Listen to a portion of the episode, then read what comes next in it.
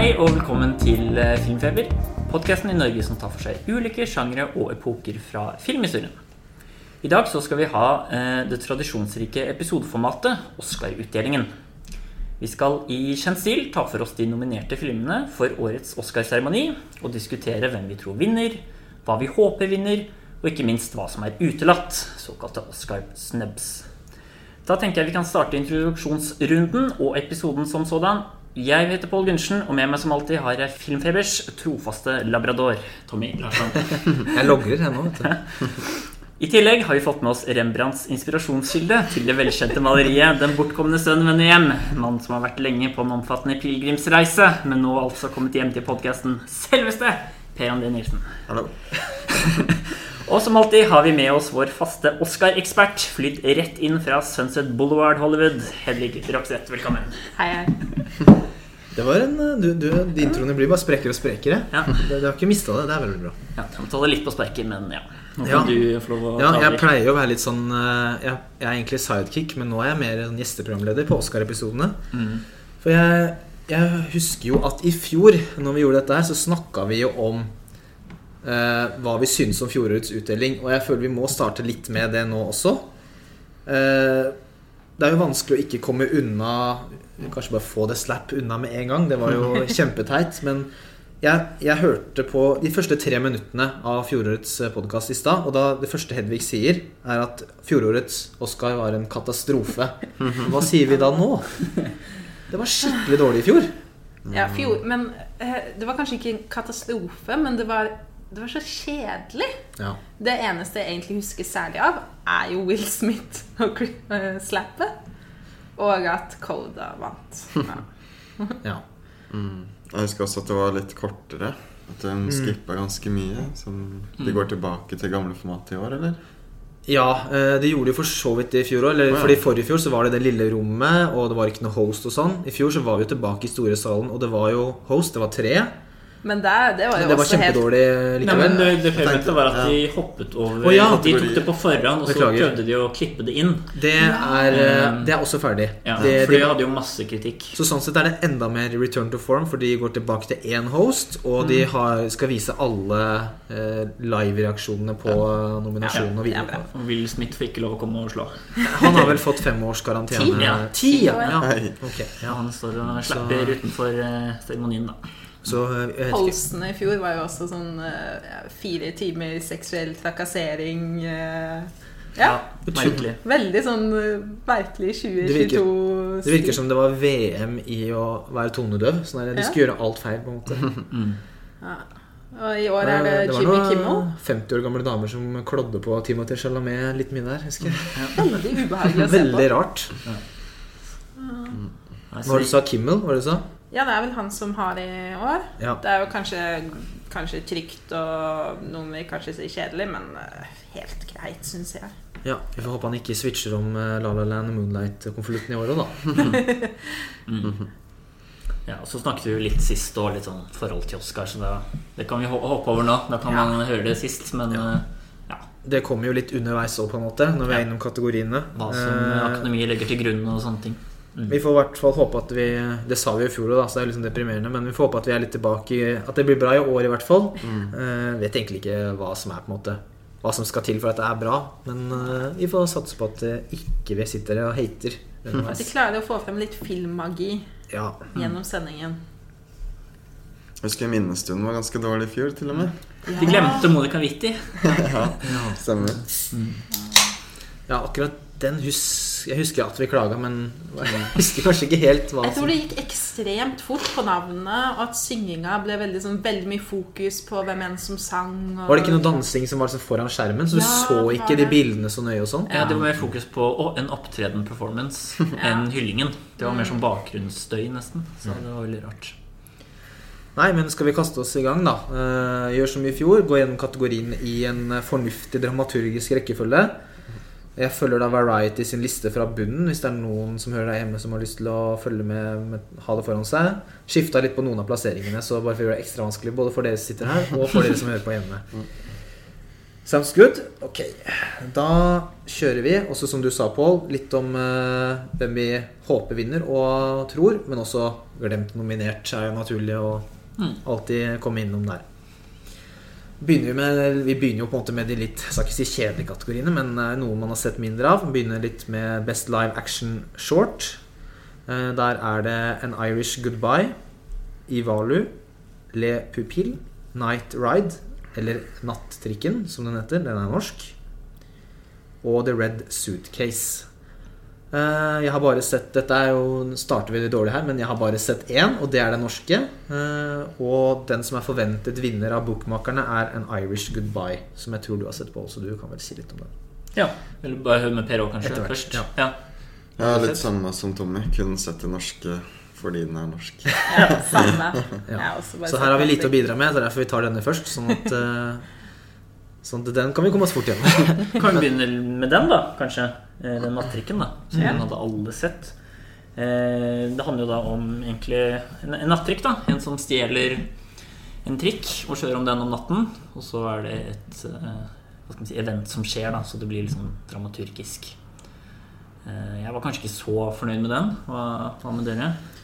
Jeg syns den var litt morsom, men kanskje ikke Oscar-nivå. Ja. Jeg- fikk et litt Jeg er litt biased for den for det er trikken i Trondheim, og der vokste jeg opp, og jeg har tatt den trikken mange ganger. Ja. Men eh, nei, den var jo søt, den var morsom, den var litt overraskende. Men eh, den er jo fort ut og inn. Ja.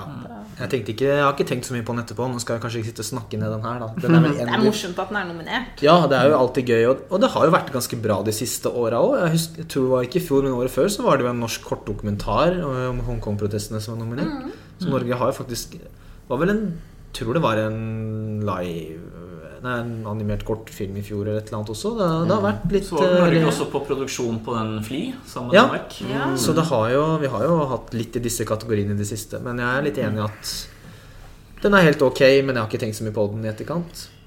Konseptet er på en måte kulere enn det som skjedde, følte jeg. Det kunne vært ganske kult med det å stjele trikk, da.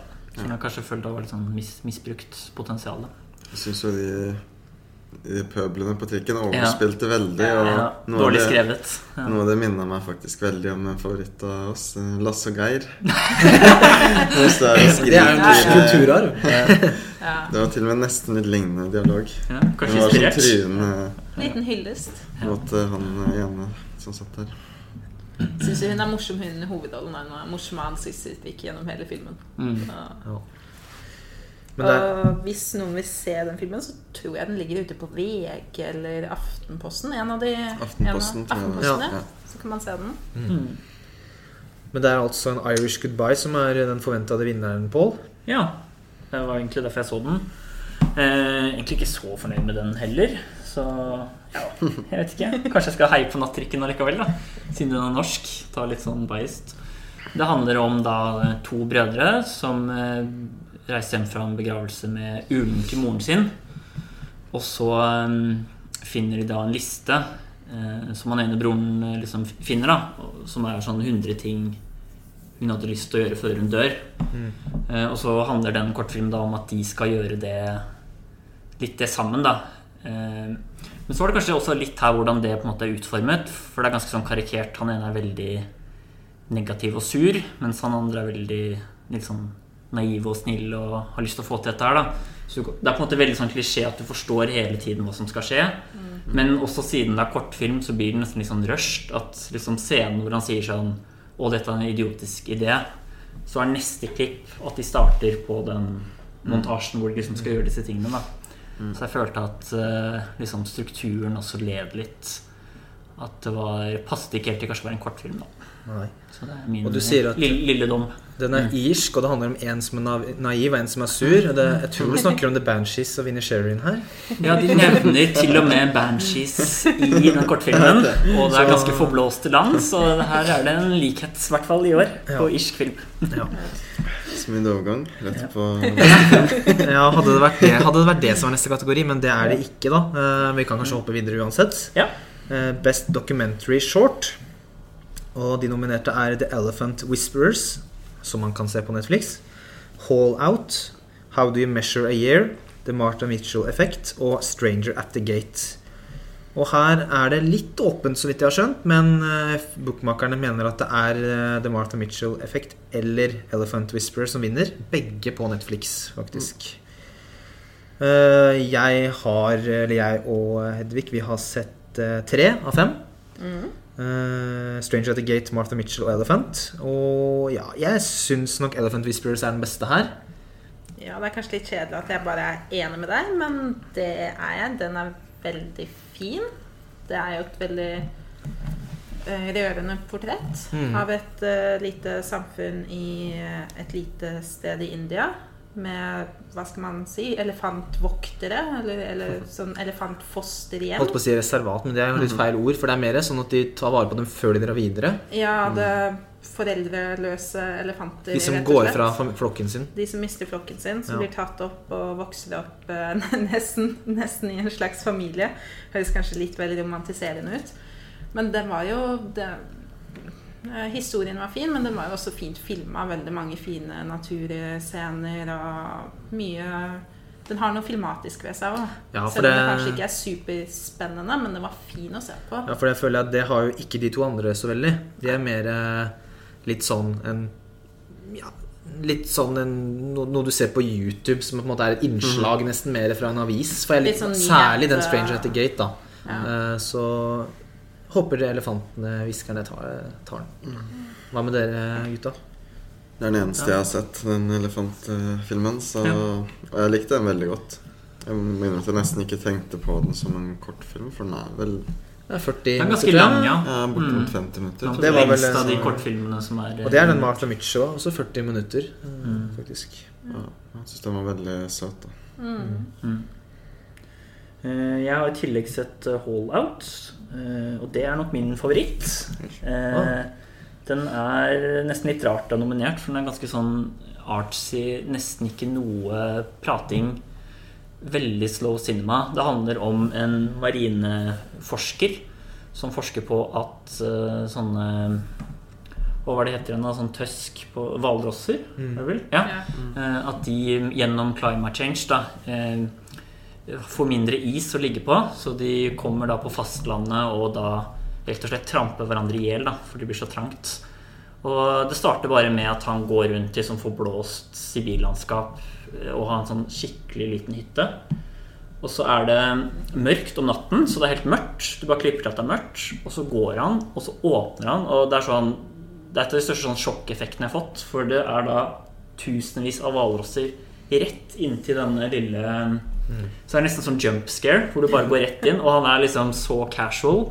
Og det er bare masse filming med han som er da literally Den lille hytten er omringet da av hvalrosser. Han kan ikke gå, så han går liksom opp på taket og slapper av og venter til de forsvinner om noen dager. og sånn Nesten ikke noe dialog. Og han bare går rundt og ser på disse her. Og Det er ikke noe fortellerstemme, det er bare Nei. beskrivende De bildene beskriver. Den eneste er at han har sånn radio hvor han liksom gir rapporter da på hva som skjer. da Da høres jo den litt mer unik ut enn de andre. Da. Ja, den fikk jeg lyst til å se. Så den er på YouTube òg. Ja. Veldig bra og ja, litt viktig òg, syns jeg. Det, det er jo liksom om klima og miljø og Det er liksom facts på det òg, da. Ikke bare prat om det. Ja.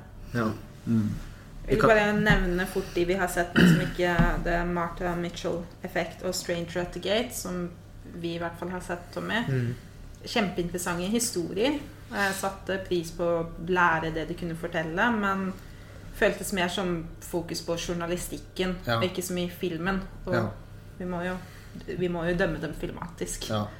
Stranger at the Gate er nesten verdt å se bare fordi at det er så sjuk historie. da Ja. Kan kort få si hva det er, for det er jo spoiler. Jeg vet ikke, Det er jo det er en fyr som har vært i Midtøsten og kriga i mange mange år. Vært i militæret. Og han var veldig sånn problemfyr før det òg. Det med drugs og, og hadde liksom ikke bra oppveksten og sånn.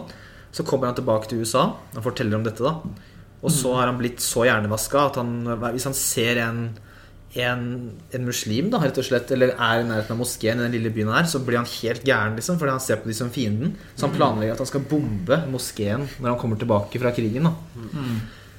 Og så snur det helt. da Han, han, eh, han går inn der for å planlegge og sånn, og ser litt på dem. Hvem, hvem skal jeg drepe? Og han liksom skal finne ut hvem han skal ta. Og så tar de han så godt imot, så liksom, uten at de vet hvem han fyren er i det hele tatt, og vil snakke mye med han, så ender det opp med å gå dit flere ganger. Og så ender det med at han blir så god venn med dem, og til slutt konverterer. blir muslim. Og så forteller han dem til og med hva han hadde planlagt Ja, å gjøre. han sa jo hva han skulle og sånn, så det er sånn helt crazy historie. Og nå er han imam og reiser rundt og forteller dem dette her. Så uh, dette er en uh, det, det er jo Ja, jeg skjønner at uh, man lager film om det, på en måte. Og det er liksom sånn utrolig at det skjer. Og The Martha Mitchell-effekt, som kanskje er forventa å vinne, det er jo også en dokumentar om politikk eh, under eh, eh, Nixon. Mm. Eh, om en av damene som eh, egentlig var gift med noen i administrasjonen. En av de nærmeste til Nixon. Kona nærmeste. til en av de nærmeste. Ja. st- og veldig synlig under den politiske liksom, eh, ja, ånden.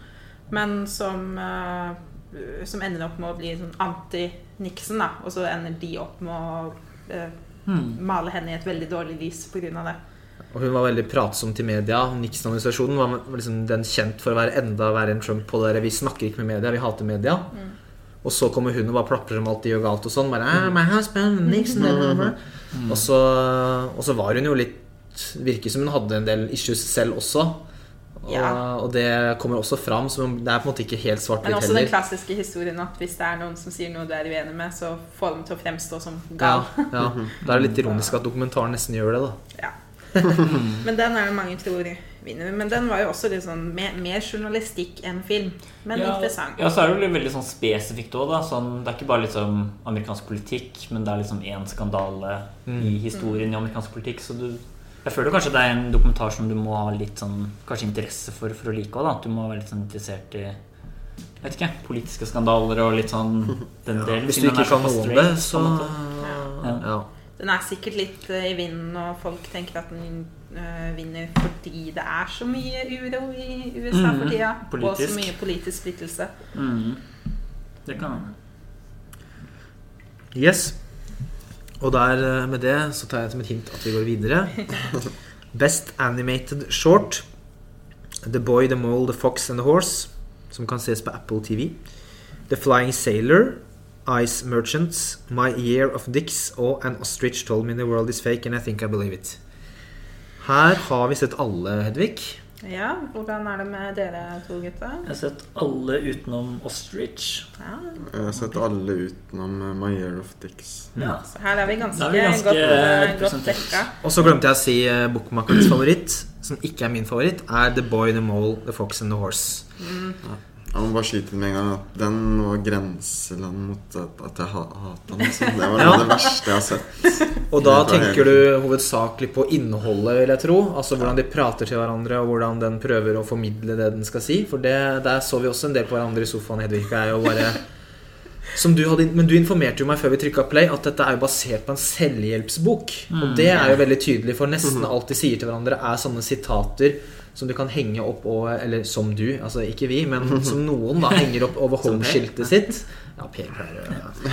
Litt sånn ja, home Inspirational in- quotes, ja, the movie. Litt sånn uh, poste på Facebook uh, Tanta di poster på Facebook-aktig. Nå mener jeg ikke tanta til noen, jeg mener Du skjønner jeg mener? Nå mener du tanta til Petten. Jeg mente, jeg mente sånn.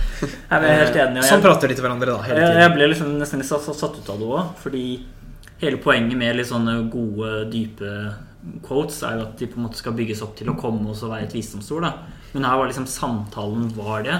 Og da blir det jo nesten uansett pretensiøst. Det blir veldig sånn merkelig. Og så er det liksom hva hva blir liksom moralen og motivasjonen med alt dette her? Og, ja, Man tror liksom jo ikke ikke på noe av det de sier til hverandre, fordi alle setningene er sånn, Ja. og de bare begynner sånn eh, helt fra starten. Ja, ja, ja. Uten at disse karakterene vet noe som helst om hverandre. Som hvorfor, hvorfor sier de disse sitatene til hverandre? Og så syns jeg ikke det var noe sammenheng heller. Det er på en måte så mange forskjellige inspira inspirational sitater. da Uansett hva den lille gutten spør de dyra om, så svarer de på det. Og så er det et nytt spørsmål, og så får det et svar. Det er på en måte ikke en gjennom Det er ikke et tema som går igjen heller. Det er for mange forskjellige typer fasetter innenfor det. Tegne, tegnestilen, det snakka vi litt om da vi Ja. så på den, Tommy. Og jeg så jo at du eh, hadde litt sånn reaksjon med en gang Tommy nevnte tegnestilen og Mm. Per. Ja, jeg likte den ikke så godt, men jeg må faktisk si at det var ganske bra sånn anatomi på hesten og sånn. Ja. okay. sånn, Kan gi den noe, hørte- sånn, noe heder. jeg må jo nevne at uh, jeg har jo sett denne boka her en del, for jeg jobber jo jeg jobber med bøker. Eh, og eh, de tegningene er jo i boka òg, så det er jo veldig basert på illustrasjonene i boka. Mm. Jeg syns bakgrunnsbildene var mye finere enn figurene.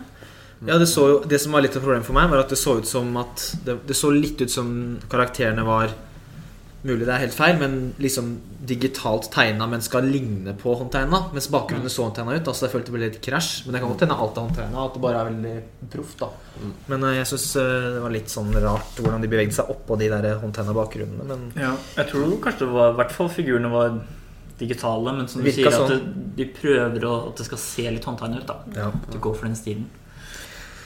Men eh, ja. Ja. Er det de greit å, er det mer å si om den, eller er greit å hoppe til de fire andre? Ingen likte den. Nei. Nei. Jeg tror det er nok den jeg likte minst av disse fem. Ja. Eh, selv om Myer of Dix også er ikke noe Kan spesielt fan. Ja, det er også en bunn for meg. Eh, den er enda styggere tegnet. da Den ser ganske ja, den var ja. eh, Men det var på en måte stygt med vilje, men det hjelper på en måte ikke, da. For det, det som er bra i år, er at det er veldig forskjellige tegnestiler her. Det er mye håndtegning i år, mm. men den her syns jeg Historien var egentlig ikke noe galt med det. Det var mer eh, egentlig stilen som jeg ikke falt for i det hele tatt. Plutselig midt inni der så blir det til anime. Det var veldig rart. Mm. Og da, når det skjedde, så håpa jeg på at For den er jo delt inn i fem kapitler, så jeg håpa veldig på at hvert kapittel skulle være én stil. Ja. For det virker sånn, fordi når kapittel to begynner, så er det plutselig anime-karakterer, men så bare blir det borte, og så blir det de der veldig stygge figurene likevel. Mm. Det er også noen horrorscener hvor det er veldig rart tegna, så den prøver på noe, men totalt sett så syns jeg den feila på i forhold til min smak, da. Ja. Ja, og så litt sånn når det er antologi, og det er så kort, så blir det kanskje ikke helt nok på hver enkelt heller, følte jeg heller. Så ja. Jeg likte ikke godt strukturen heller, egentlig, så jeg var, jeg var ganske misfornøyd med den også. De tre andre liker jeg. Ja, ja. Ah, nei. For du har sett Jeg uh, har sett de tre siste. ja, du, ja, du har sett de tre siste, ja. Hvilken, var det du, hvilken er din favoritt, Per? Uh, det må være Ice Merchants. Ja. Det er kanskje den eneste som faktisk likte av eh, de ulike her. da Mm. Den syns jeg var veldig sånn gøyalt tegna og litt rørende historie.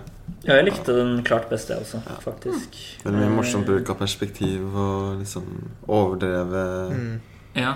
Kan karikerte huske, når, det er et hus langt oppe i fjellene, og man husker perspektivet ned og Den minte meg litt om gamle Det så litt ut som den var fra midten av 70-tallet. Litt sånn Mm. Mange av de gamle shortsa man oppdaga når man er på Archic Movies. Minte meg litt om noen av de. Jeg syns også det minna litt om animasjonen i reklamene til Red Bull.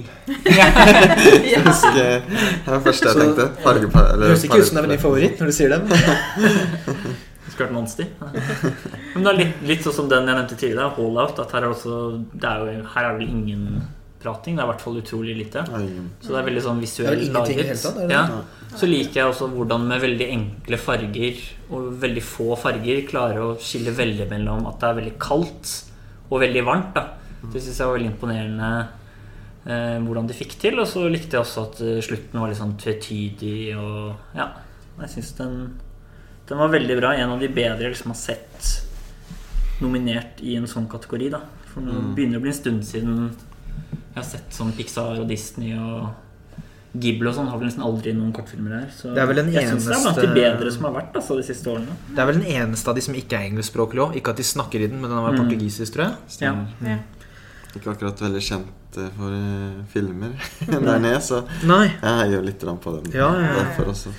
Men jeg må jo si at jeg syns det var litt kult med Ostrich. eh, I hvert fall dukkefilmaspektet og metaaspektet. At liksom For de som ikke har sett den, så er det noen som skal lage en dokkefilm, på en måte En reklame, og så begynner figuren å gå ut av framen, og det blir litt sånn Det er nesten litt sånn Wallace and Gromit møter Truman Show, på en måte. Mm. Så jeg syns den var ser du, du ser produktet samtidig som du ser hvordan det blir laga. Og... Mm. Så der satte jeg pris på en del av de tekniske animasjonstingene, da. Ja. For jeg syns jo en kategori som så ofte Sorry for at jeg sier det, men mye stygge tegninger, da. Som i My Year of Dicks. Så setter jeg veldig pris på at det var liksom sånn håndverksmessig veldig proft, da. Som det var i den. Ja, det var bare problemet at jeg ikke syntes den var noe morsom i det hele tatt. Det liksom, Ja, den. den prøver jo veldig å være litt sånn vittig, da. Ja. Det er en karakter med veldig newzealandsk eh, aksent. Og bare hører newzealandsk snakking, så syns jeg det er litt morsomt, nesten. Det sånn høres, det høres automatisk litt, litt sånn dum ut når det er fremst. Men den siste, da, for å, nå, er vi, nå går vi grunn, litt grundig kanskje, men The Flying Sailor, den så vi først. Den så vi jo er for eh. Men ja, den var jo helt grei. Syns den var litt for kort, egentlig. Sånn, når den bare var 7-8 minutter, så var vel kanskje bare ett av de eller noe sånn flashback, og resten var at han fløy. Jeg skulle, ønske at det var, jeg skulle ønske det var litt mer sånn flashback og Ja. sånn Det skjer veldig fort, tenkte jeg på, den Ja. eksplosjonen. ofte, Det er jo ofte problemet med nesten alle kortfilmer at de nesten er for korte. Så det er vanskelig å få en veldig bra historie på kort tid. Så det er derfor det ofte er veldig imponerende med bra kortfilmer. Mens den her følte jeg var sånn for kort selv for å være kortfilm. At, På en Burde måte være for litt lenger. syns jeg. Fordi fallinga var Ja, ja, men du burde måtte gjort mer med det de hadde. jeg. Skjønner hva. Ja. Men det er jo faktisk basert på en sann historie, fant vi ut. Ja, Om det, en- om det er jo morsomt. En båt som eksploderte, og en Det er ikke morsomt siden det er egentlig masse folk som døde. Men det var en fyr som fløy opp i lufta og landa på bakken og levde og levde, og så levde han mange år til. Fløy han naken i virkeligheten? Ja, det var bare skoen igjen. Eller. Ja, det vet jeg ikke, det, det er ikke sjekka. Men det var helt krise. Det var mange mange folk som døde. Ja, det var Det var i Canada, og det var tror jeg, en, eh, sånn Det var et norsk skip involvert òg. Typisk. Nå får vi litt uh, gamle byen Litt Oslo eh, bakgrunnsstøy. Ja. Men, eh, Ikke, sikk- ikke sikkert å komme så bra på mikrofonen. Som, men her har folkene Folk har favoritter, da. Mm. Eh, per, du, du likte det best. Ice Merchants. Ice Merchants, Det gjelder vel deg òg? Ja, egentlig ganske klart. Ja, det samme. Til meg Ja, jeg tror det er mest på Ostrich, men jeg likte veldig godt Ice Merchants og, og ja, Flying Sailor. Egentlig så, så lenge ikke Hadde egentlig vært greit så lenge ikke Dix og The Boy the Mole vinner, men det blir jo The Boy the Mole, så Jeg tror den er ganske storfavoritt, Det er sjokkerende, faktisk. ja. La dere merke til at Idris Elba var eh, reven? Det var ganske mange kjente navn i creditsa. Mm. husker jeg husker ikke på farta hva Gabriel det andre var. Men Gabriel Byrne. Byrne, Ja, han, ja. ja. Fra Usual Suspects og Og Hereditary. så han lille fra Parsons Caribbean som jeg aldri husker hva heter. Han er muldvarpen. Ok, det, Mhm. ok. Lett, skal vi gå videre? Vi, Ja. vi, vi starter med de kjedelige, sier vi. Altså. Ja. Men den neste tror jeg går litt fortere. Beste dokumentar, langfilm. All That Breeds. All the Beauty and the Bloodshed. Fire of Love. A House Made of Splinters og Navalny. Sistnevnte Navalny uh, er den som forventes å vinne. Jeg har ikke sett noen. Det høres uh, litt sjokkerende ut. Har sett noen andre dokumentarer som ikke er nominert. Kremt uh, Herzogs The Fire Within, som er nominert gjennom at en annen film om det samme temaet er nominert her. Fire of Love handler om nøyaktig det samme. Veldig rart. Eh, Men eh, hvis det er noen her som har sett noe, så er det bare å hyle ut. Eh, Kan bare tilføye først at det jeg forventa, var at den David Bowie-filmen 'Moon Age Daydream', som har vært mye prat om i høst, ikke ble nominert. Syns jeg var litt rart. Det er den dokumentaren jeg har hørt mest om. Tilbakemelding. Jeg har den, jeg. Ja, eller jeg har hørt mye bra, men jeg har også hørt noen som sier at ja, Som sier mindre bra ting. Ok, ja. Jeg har ikke sett den ennå, så Nei, ikke jeg heller. Er det noen som har sett noe her? Ja, jeg har sett én. Har du sett Per? jeg har også sett én. Fire of Love. Ja. det har jeg sett. Og du har jo sett Herzog sin òg, så du kan jo sammenligne litt, eh, Ja, kanskje? jeg likte Herzog sin bedre, men det er, det er mye av det samme. Altså, det er mye eh, liksom om vulkaner og om disse to, da. Men der hvor jeg kanskje føler at Herzog sin var mer interessant, var at han var kanskje mer interessert i naturkreftene og mytologiseringen. Mm. Mens uh, her ble de kanskje mer interessert i å finne ut av hvem de var, da. Eh, de, de to som de følger, da. Men det er jo veldig oppsiktsvekkende som du sier, at liksom, det er akkurat de samme. Og vi så tidligere at Herzog kun har blitt nominert én gang før. Og det er så rart når liksom, det kommer samme året så lik film, at de liksom går for den andre og ikke selv da anerkjenner han. da Eh, og selvfølgelig, som alltid i Herzog, så er det jo fantastisk eh, sånn klassisk musikk over disse sekvensene. da Som gjør det mye mer poetisk, og det, det er det jo ikke noe av her, da. Oi. Hva slags, Hvordan er det skildra da? Er det bare Uten, enten så er det mye voiceover, eller så er det ikke musikk, da. Så det er mye mer sånn Og mye mindre, mye mindre natur enn i Herzog Ja. da. Det er veldig overraskende, ja. for jeg har hørt det motsatte av min bror. så han mente at uh, Han snakket bl.a. om kan ikke jeg bekrefte dette, da, men Ja. at uh, restaureringen av bildene var mye bedre på Fire of Love, og at uh, det var mye mer estetisk å se på, snakket han om. da Og jeg syns også Jeg syns jo denne dokumentaren var kjempebra, jeg, da. Og jeg syns det minnet veldig om Herzog. Ja, ja, den er At, bra, men eh, den er, hun snakker jo ganske likt òg, Ja. faktisk. Hun, eh, hun har litt sånn lignende at hun for eksempel sier sånn og ja, her ser vi at hun står her med luen. Hva tenker hun på nå? På en måte Sånn som Herzog gjør, da. Herzog drar det mye lenger, men den er veldig inspirert av Herzog. Tenker du på fortellerstemmen i Fire of Love nå? Ja. Ja. Ja, han er jo ganske sånn Ikke svevende, men eh, eh, ja, legger til mye tilleggsinformasjon som på en måte kommer fra filmskaperens ja. side, og ikke nødvendigvis karakteren eller personene den portretterer. Mm. Og jeg syns den var utrolig flott foto, ja, kombinert med musikken. Og jeg liksom koste meg veldig, da. Mm. Men jeg så den aldri først òg, da, så det er kanskje litt det, Ja. det også at liksom Jeg følte at det var det samme, men mindre, Ja, ok. på en måte. Ja. Så det hadde kanskje blitt mer breathtaking hvis jeg så den her først. Ja. Kan også. For det er jo veldig Det er det jo i begge, da. Det er jo fine naturbilder fra Mm. de opptakene. De hadde utrolig mye Ja, hundrevis med film og tusenvis av bilder og sånn, tror jeg det sier. Ja. Så et utrolig stort sånn eh, arkiv å ta fra, da. Da høres det ut som vi skal hente inn eh, din bror og ha en duell med Pål. Ja. liksom, eh. Nei, men kanskje eh, mulig jeg rekker å se den før uh, utdelinga. Vi får se. Ja. Det har vi noen igjen, så vi får se. Men det, ja, vi har ikke snakka så mye om de andre, men det er kanskje ikke så mye å si det. Den Beauty and the Bullshit har jeg faktisk hørt litt om også i høst, men Den var det mye prat om. Ja, det var det. Og så snakker alle om Navalny nå. Så jeg vet ikke. Egentlig ikke noe forhold til de andre. Nei, skal vi gå videre? Det blir ikke like lenge på hver. Mer, mer girings på animert short. Neste kategori er jo da Best International Feature. Beste utenlandske film. Og det er her jeg bryter opp rekkefølgen, så nå ble dere kanskje litt uh, Stemte ikke det overens med det dere hadde der, men uh, jeg følte det passa bedre her og nå. Og de nominerte er All Quiet on the Western Front, Argentina 1985, Close, EO, eller EO, jeg vet ikke helt hvordan man sier det. Du Pål har sett den, så du får korrigere meg. Jeg tror begge Og- går, egentlig. Og The Ja. Quiet Girl. Nå sa jeg ikke hvilket land de var fra, da, det burde jeg jo si, for det er jo landet som vinner prisen, faktisk. Tyskland, Argentina, Belgia, Polen og Irland. Eh, veldig Europa-heavy i år, faktisk. Mm.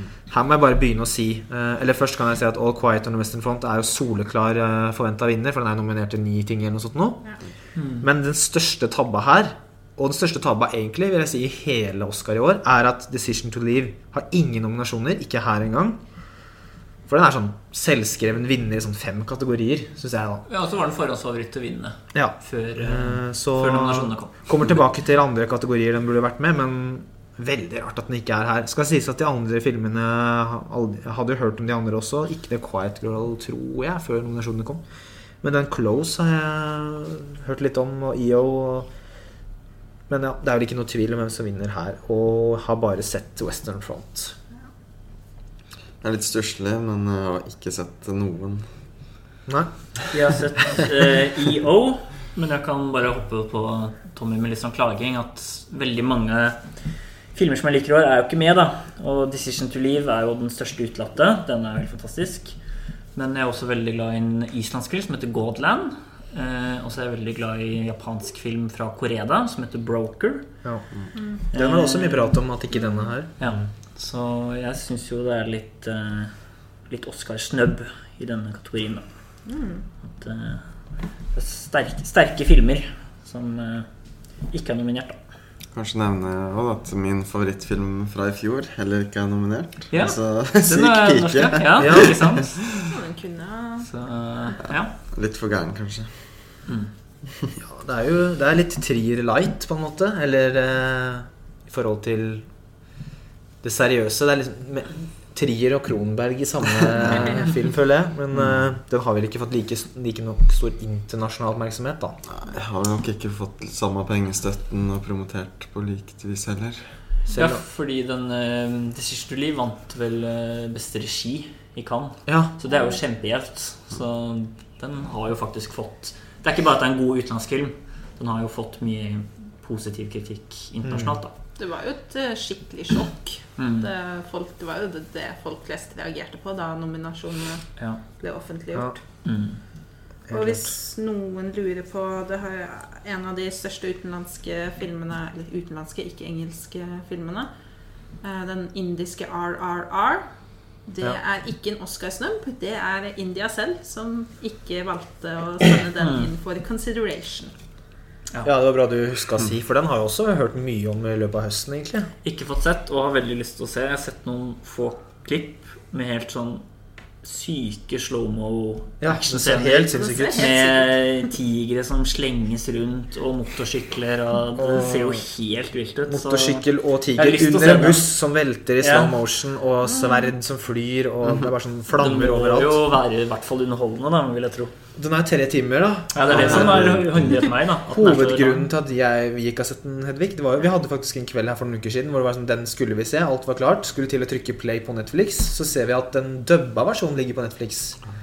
Eh, og det som var rart, var at den Den er jo opprinnelig på et språk som heter Er det noe Plutselig husker jeg ikke. Er det telugu det heter? Det var noe på T, i hvert fall. Telugu, tror jeg. Som er et språk jeg ikke hadde hørt om engang. For det er en dum fyr, tydeligvis. Men eh, den lå på hindi på Netflix, som er jo et annet indisk språk. Så det er sånn De har et annet indisk Men jeg vil likevel ikke se den, selv om jeg ikke kan forskjellen. Så vil jeg ikke se dubba versjon. Så da ble det ikke noe. Og så vidt jeg har skjønt, så er det ikke mulig å få tak i den kinoversjonen, den originale. Da. Så da ble det ikke noe RRR ennå. Ikke ennå, i hvert fall. Men ja, Western Front, den eh, er litt sånn mystisk superpopulær i år. Ja, den, Så den vinner jo den fordi dominerer i mange kategorier. Jeg leste at det har aldri skjedd at en film er nominert i både beste film og beste utenlandske, og ikke vinner utenlandske.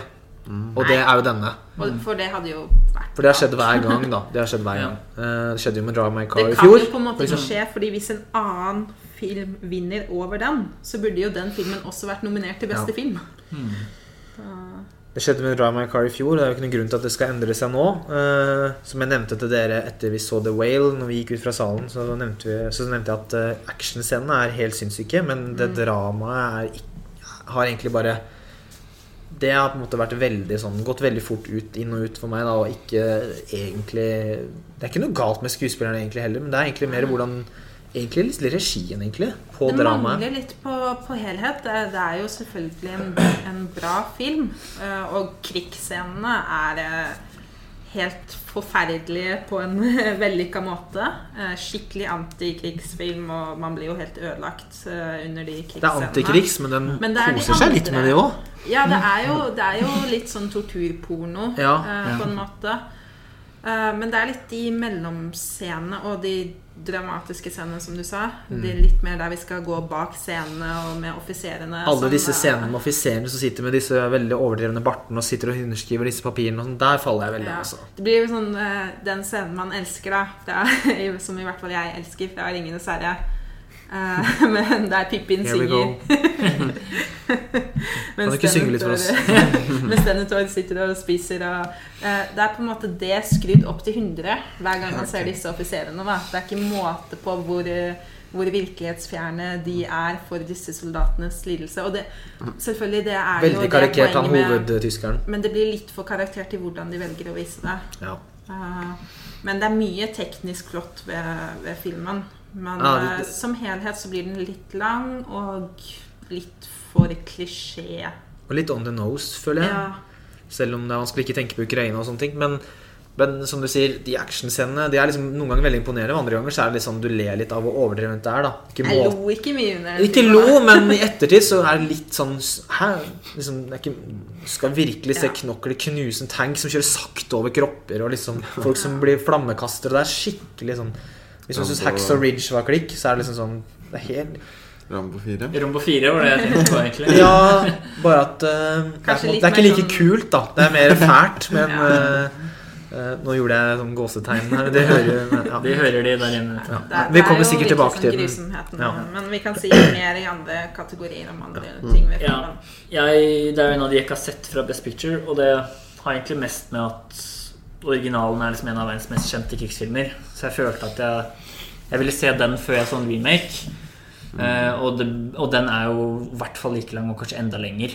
Og den er også Ja. ekstremt bra. Den, den er bedre. 1930. Ja, Den ja, så da ble jeg litt sånn Det klarer jeg ikke å presse inn noe sånn to liksom over to og en halv time filmer liksom rett før. Det ble for ambisiøst.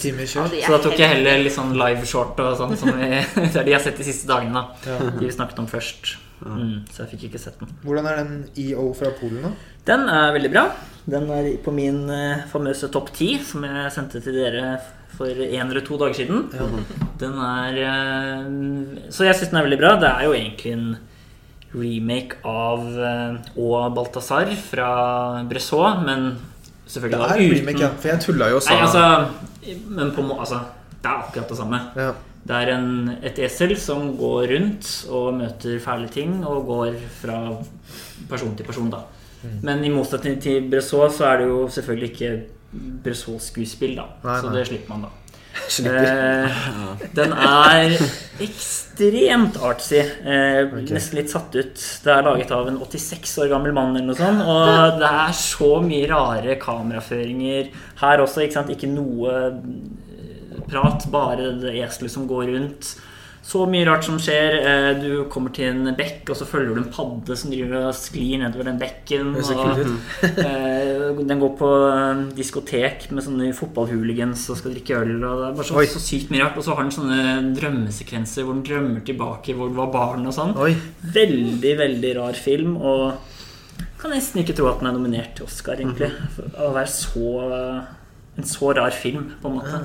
Veldig sånn Det er ofte i de der kategoriene at de Ja. rare får tilpass. da I short-kategoriene og utenlandske kategoriene. Så det er ikke, ikke en film for alle, men jeg koste meg veldig. da Jeg syns den, den var morsom og rar, egentlig. En rar film. Jeg hadde liksom tenkt å sette den på her en kveld, og så så jeg at liksom, det sto at den bare ble At den møtte på veldig mye fæle ting. Og så var jeg sånn eh, Gidder jeg å se en et esel som blir banka opp i Ja, to den, timer? Den, Den, er den blir veldig trist, så Så jeg droppa det faktisk, Ja. og sånn reality-TV isteden. ja. Nei, den, eh, den møter på fæle ting, ja. Det gjør den jo i O Balthazar, egentlig. Så, Hva er det med de Oscar-nominerte filmene i år og esler som har det fælt? mm, ja. Det er et eller annet der. Ja. Men den skulle vært nominert til Oscar, da. Det eselet spiller dritbra. ja. Mm. Best actor eller actress. Jeg vet Ja. ikke kjønnet på eh, Jeg tror faktisk det er flere skjønn at det er tre esler eller noe sånt. faktisk De bytter litt på ja. Både actor og actress, da. Ja. På, på begge. På begge. Har dere hørt noe om de andre filmene nå, eller er det noen som vil, dere vil sjekke ut? Close har jo fått litt uh, blest. Det er sånn mobbefilm. Sånn der, eh, folk som, eller noen barn som har det utrolig fælt på en skole. Det er, du hører at det passer inn i international. eh, Hørt at den er veldig hjerteskjærende. Og, men jeg har ikke fått, uh, fått sett den, så det er vanskelig å si. Og Argentina vet jeg veldig lite om. Det var noen på jobb som snakka om, anbefalte at den var litt sånn svul, eh, den Argentina 1985. Litt sånn svulstig og kanskje litt mer sånn typisk Oscar- eh, Oscar-film. Ja. Ikke så Ikke så den skulle være så rar og artsy. Men at den absolutt var anbefalt. Mm. Så, Vi ruller videre. Da går vi til eh, beste animerte film. Best animated feature. Eh, og de nominerte er Guillermo del Toros Pinocchio. Marcel the Shell with Shoes On. Puss in Boots The Last Wish. The Sea Beasts og Turning Red. Her har jo eh, jeg og du, Hedvig, sett alle unntatt The Sea Beast. Ja. Eh, jeg ser dere scroller for å finne riktig. Ja, det gjorde det. Nå Sto var det høyt høyt i lista. Ja, men jeg følte det var veldig naturlig å gå fra utenlandske film til uh, Vi har jo hatt animert kortfilm. Nå er jeg her. Der, ja. Mm. Der, ja. Eh, her er det da ikke noe tvil, virker det som. Det er uh, Guillermo del Toros Pinocchio som ligger an til å vinne. Jeg sier Guillermo del Toros Pinocchio fordi det har kommet en annen film fra Disney år som også heter Pinocchio. Som heter faktisk Guillermo del Toros Pinocchio, akkurat som Zack Snyders Justice League. Eh, men jeg ser at Marcel the Shell og Puss in Boots er litt sånn der eh, Dark Horse, eller, Dark eh, Donkey, får vi kanskje si. Som ligger og ulmer bak der og kanskje kan ta det. Så det er faktisk litt åpen kategori. Eh, Jeg syns det er en ganske veldig sterk kategori. Har jo ikke sett The Sea Beast, men jeg, jeg ser for meg at jeg kanskje, kanskje ikke går glipp av så mye der, da. Det jeg vet at Per har sett den, så du Ja. kan jo fylle Ja. inn på den Ja, hvis kanskje. du har lyst. Kanskje den eneste kategorien hvor jeg har sett alt. Ja. Og Hva er favoritten, og hva er um, sisteplass? eh, min favoritt er Turning Red. Oi! Den syns jeg var ganske artig. Ja, da. Ja. Jeg føler at den kanskje har blitt litt glemt, for den kom så tidlig på året. Og den jeg liker minst Jeg var ikke så veldig glad i Pinocchio, egentlig, men det sier Beast er på en måte den mest sånn uinteressante, da. Ja. Selv om det er en del jeg ikke liker med Pinocchio, så, er det, sagt- har- så skiller den seg mer ut og har liksom For Hvis du hadde sagt Pinocchio nå, så hadde jeg vært enig med en snudd lista. At Pinocchio er min favoritt, og Red er den jeg liker minst. Oi! Ja, okay. Jeg, jeg har bare sett Pinocchio. Jeg likte den. Ja. Men det er den eneste jeg har sett. Ja. Jeg vil, jeg vil slenge meg på at jeg likte Turning Red. Eh, den passer jo veldig godt for vår årgang. Da. Det var veldig sånn, gjen, sånn foregår jo på tidlig 2000-tall, så det var Ja, jo noe så for de som er født tidlig på 90-tallet, så er jo den filmen veldig nostalgisk. Mm. Ja, ja. Eh, Men eh, jeg liker alle de, de tre andre jeg har sett like enda bedre. Da. Jeg syns eh, Pinocchio, Marcel the Shell og Puss in Boots alle tre er kjempegode. Mm. Eh, og det som var en skikkelig overraskelse, var jo Puss in Boots. For der, der hadde jo ikke vi, Tommy, hadde jo ikke sett den første Pussy. Boots heller, så vi måtte se den først, da. Var jo det Hashtag research. Er det den tredje? Nummer to. Nummer to. Ok, Da har jeg sett den første. Men han dukker opp i Shrek også. Mm. Ja. Mm. Så det er litt sånn det var en skikkelig positiv overraskelse. Det er en kjempebra film. Jeg likte så godt eh, animasjonsstilen i den Mm. nye Puss in Boots. Altså, som minte veldig om den Into the Spider-Wars Ja. som kom for noen år siden. Hvor det er veldig sånn Jeg vet ikke begrepene for Er det cell shading? Jeg vet ikke hva det heter. Men måten det er animert på som gjør at det er veldig sånn smooth. da Eh, Mm. Spider-Wars har vi vel alle sett, så vi husker liksom den derre Det er noe med framesene, noe med hvordan Ja.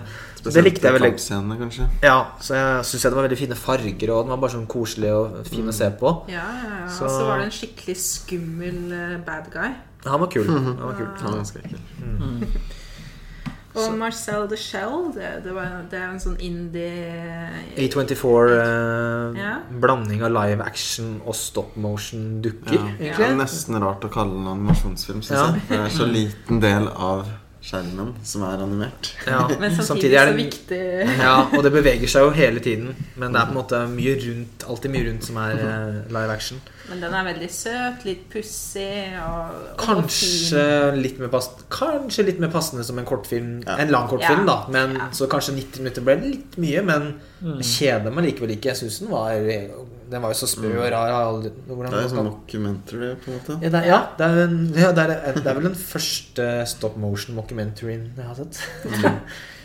Så Turning Red syns jeg dessverre Den har jeg liksom glemt. Det, det, det er liksom kanskje den mest forglemmelige Pixar-filmen jeg vet om, nesten. Altså. Oi. Jeg har jo Ja. The Good Dinosaur, da. Det er, jeg likte jo den. The Good. Dinosaur er Per sin store favoritt.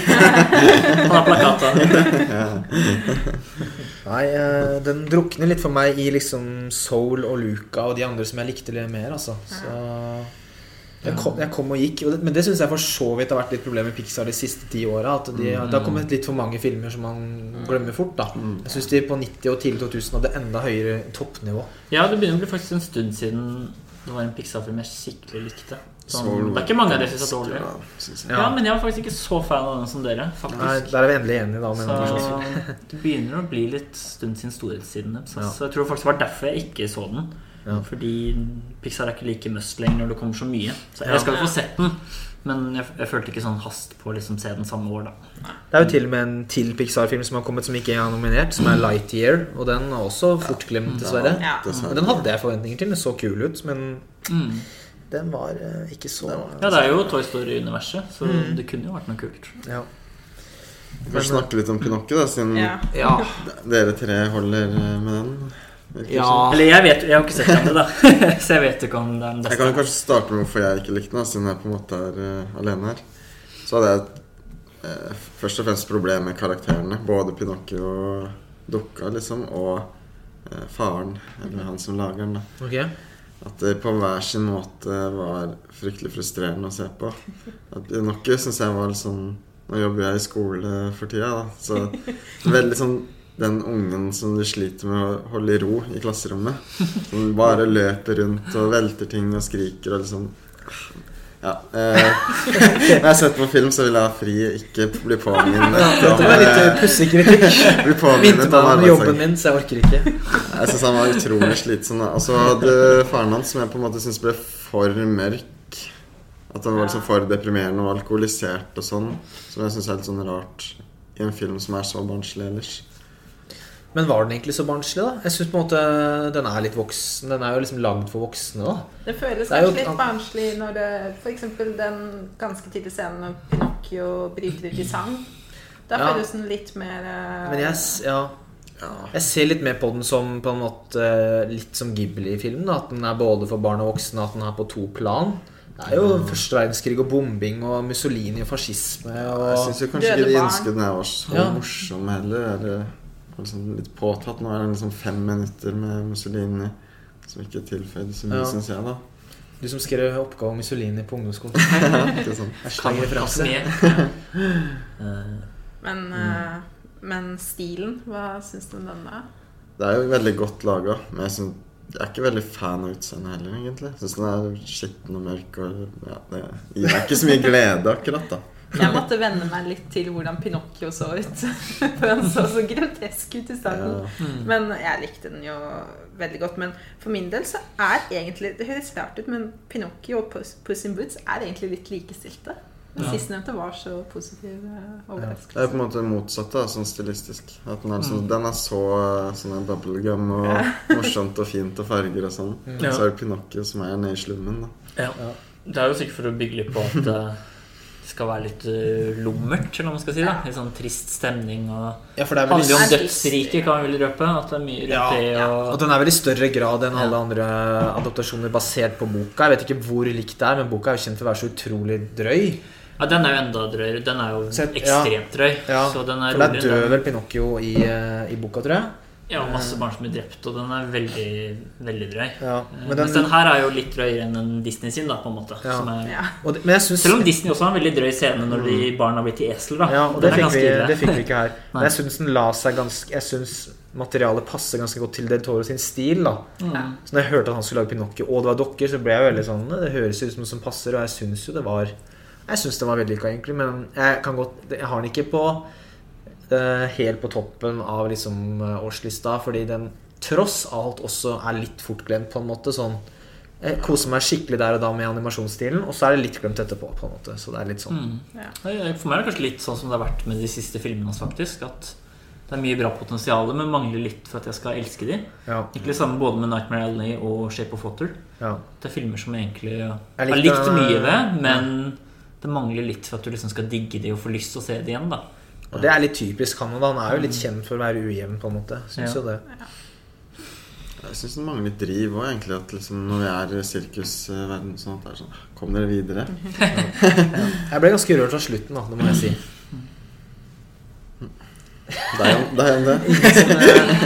Du ble, vel, ble ikke du rørt siden den slutten? Eller skal du fortelle meg at du ikke husker noe? Jeg, jeg, jeg husker at jeg ble rørt, men akkurat nå husker jeg ikke hvordan slutten Det er jo Vi skal kanskje ikke si det her. Nei, jeg får kanskje ikke gjøre lov til det nå, da. Men uh... Vi får snakke om det etterpå. ja, vi får gjøre det. Ok. Nei, men uh, var det noe mer da, eller skal vi rusle videre?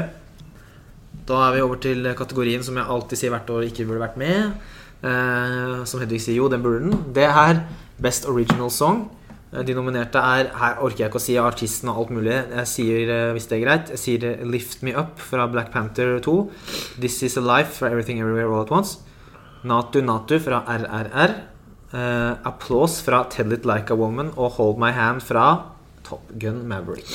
Sjølveste Lady Gaga der på slutten. Uh... Kanskje eneste jeg ikke likte med filmen. omtrent. Ja, jeg er enig. Den eneste dårlige sangen er den som er nominert. Men vi har Hedvig hørte gjennom alle sangene i stad. Litt mot min vilje ble de satt på her. Eh, og tro det eller ei, det er en av de beste låtene. ja. Oi, Eh, så men Det er en eh, ganske svak, eh, svak line-up. men eh, det jeg kan bare si før dere hiver dere over det, er at Natu Natu fra RRR ligger an til å vinne. Ja, det har jeg faktisk hørt. Det Som er en Bollywood-låt, da. Ja, ok. Kan vi vel si. Jeg hørte gjennom, hørte gjennom alle sangene og hørte gjennom den to ganger. Eh, og den siste var med et klipp fra filmen òg.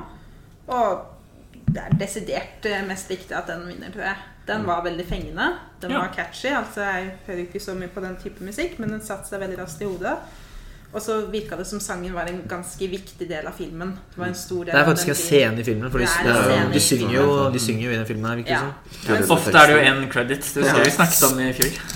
Alle de andre sangene er sånne end credit-sanger, bortsett fra en sånn rent teknisk, da. Lady Gaga-sangen begynner kanskje sånn Litt 15 sekunder før credits. Ja, vi ser Jennifer, Jennifer Connelly rulle opp der. Lurer, eh, lurer det seg litt inn Ja. der. Nok en gang så er Diane Warren nominert. Det er hennes 14. nominasjon for Nei. sang. Hun Aldri har vunnet? fortsatt ikke vunnet, Nei. og hun kommer ikke til å vinne. Det var ikke hun som lagde RRR.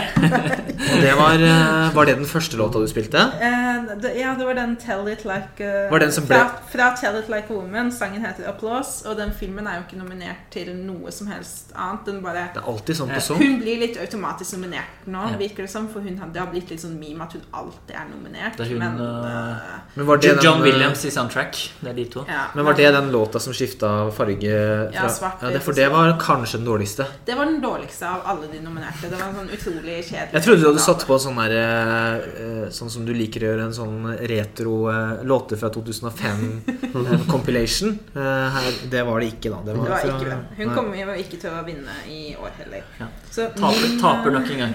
Min Ja. rating på disse sangene er at Natu Natu fra RRR fortjener å vinne. Både fordi det er en viktig del av filmen, eh, og fordi det er den beste sangen. Og så er jo den sangen fra Everything Everywhere All At Once Den var også litt kul. Litt sånn spasa, merkelig Det var den rareste her. Den har jeg Den glemt, er- Jeg husker faktisk. Nei, ikke jeg heller, før vi satt den på i husker den ikke fra, fra filmen. Det er sikkert en end credit-sang, det òg. Men det er de som har laga resten av soundtracket på filmen, har også laga sangen. da, så det er en sånn, Og den passa til filmens vibe. Ja.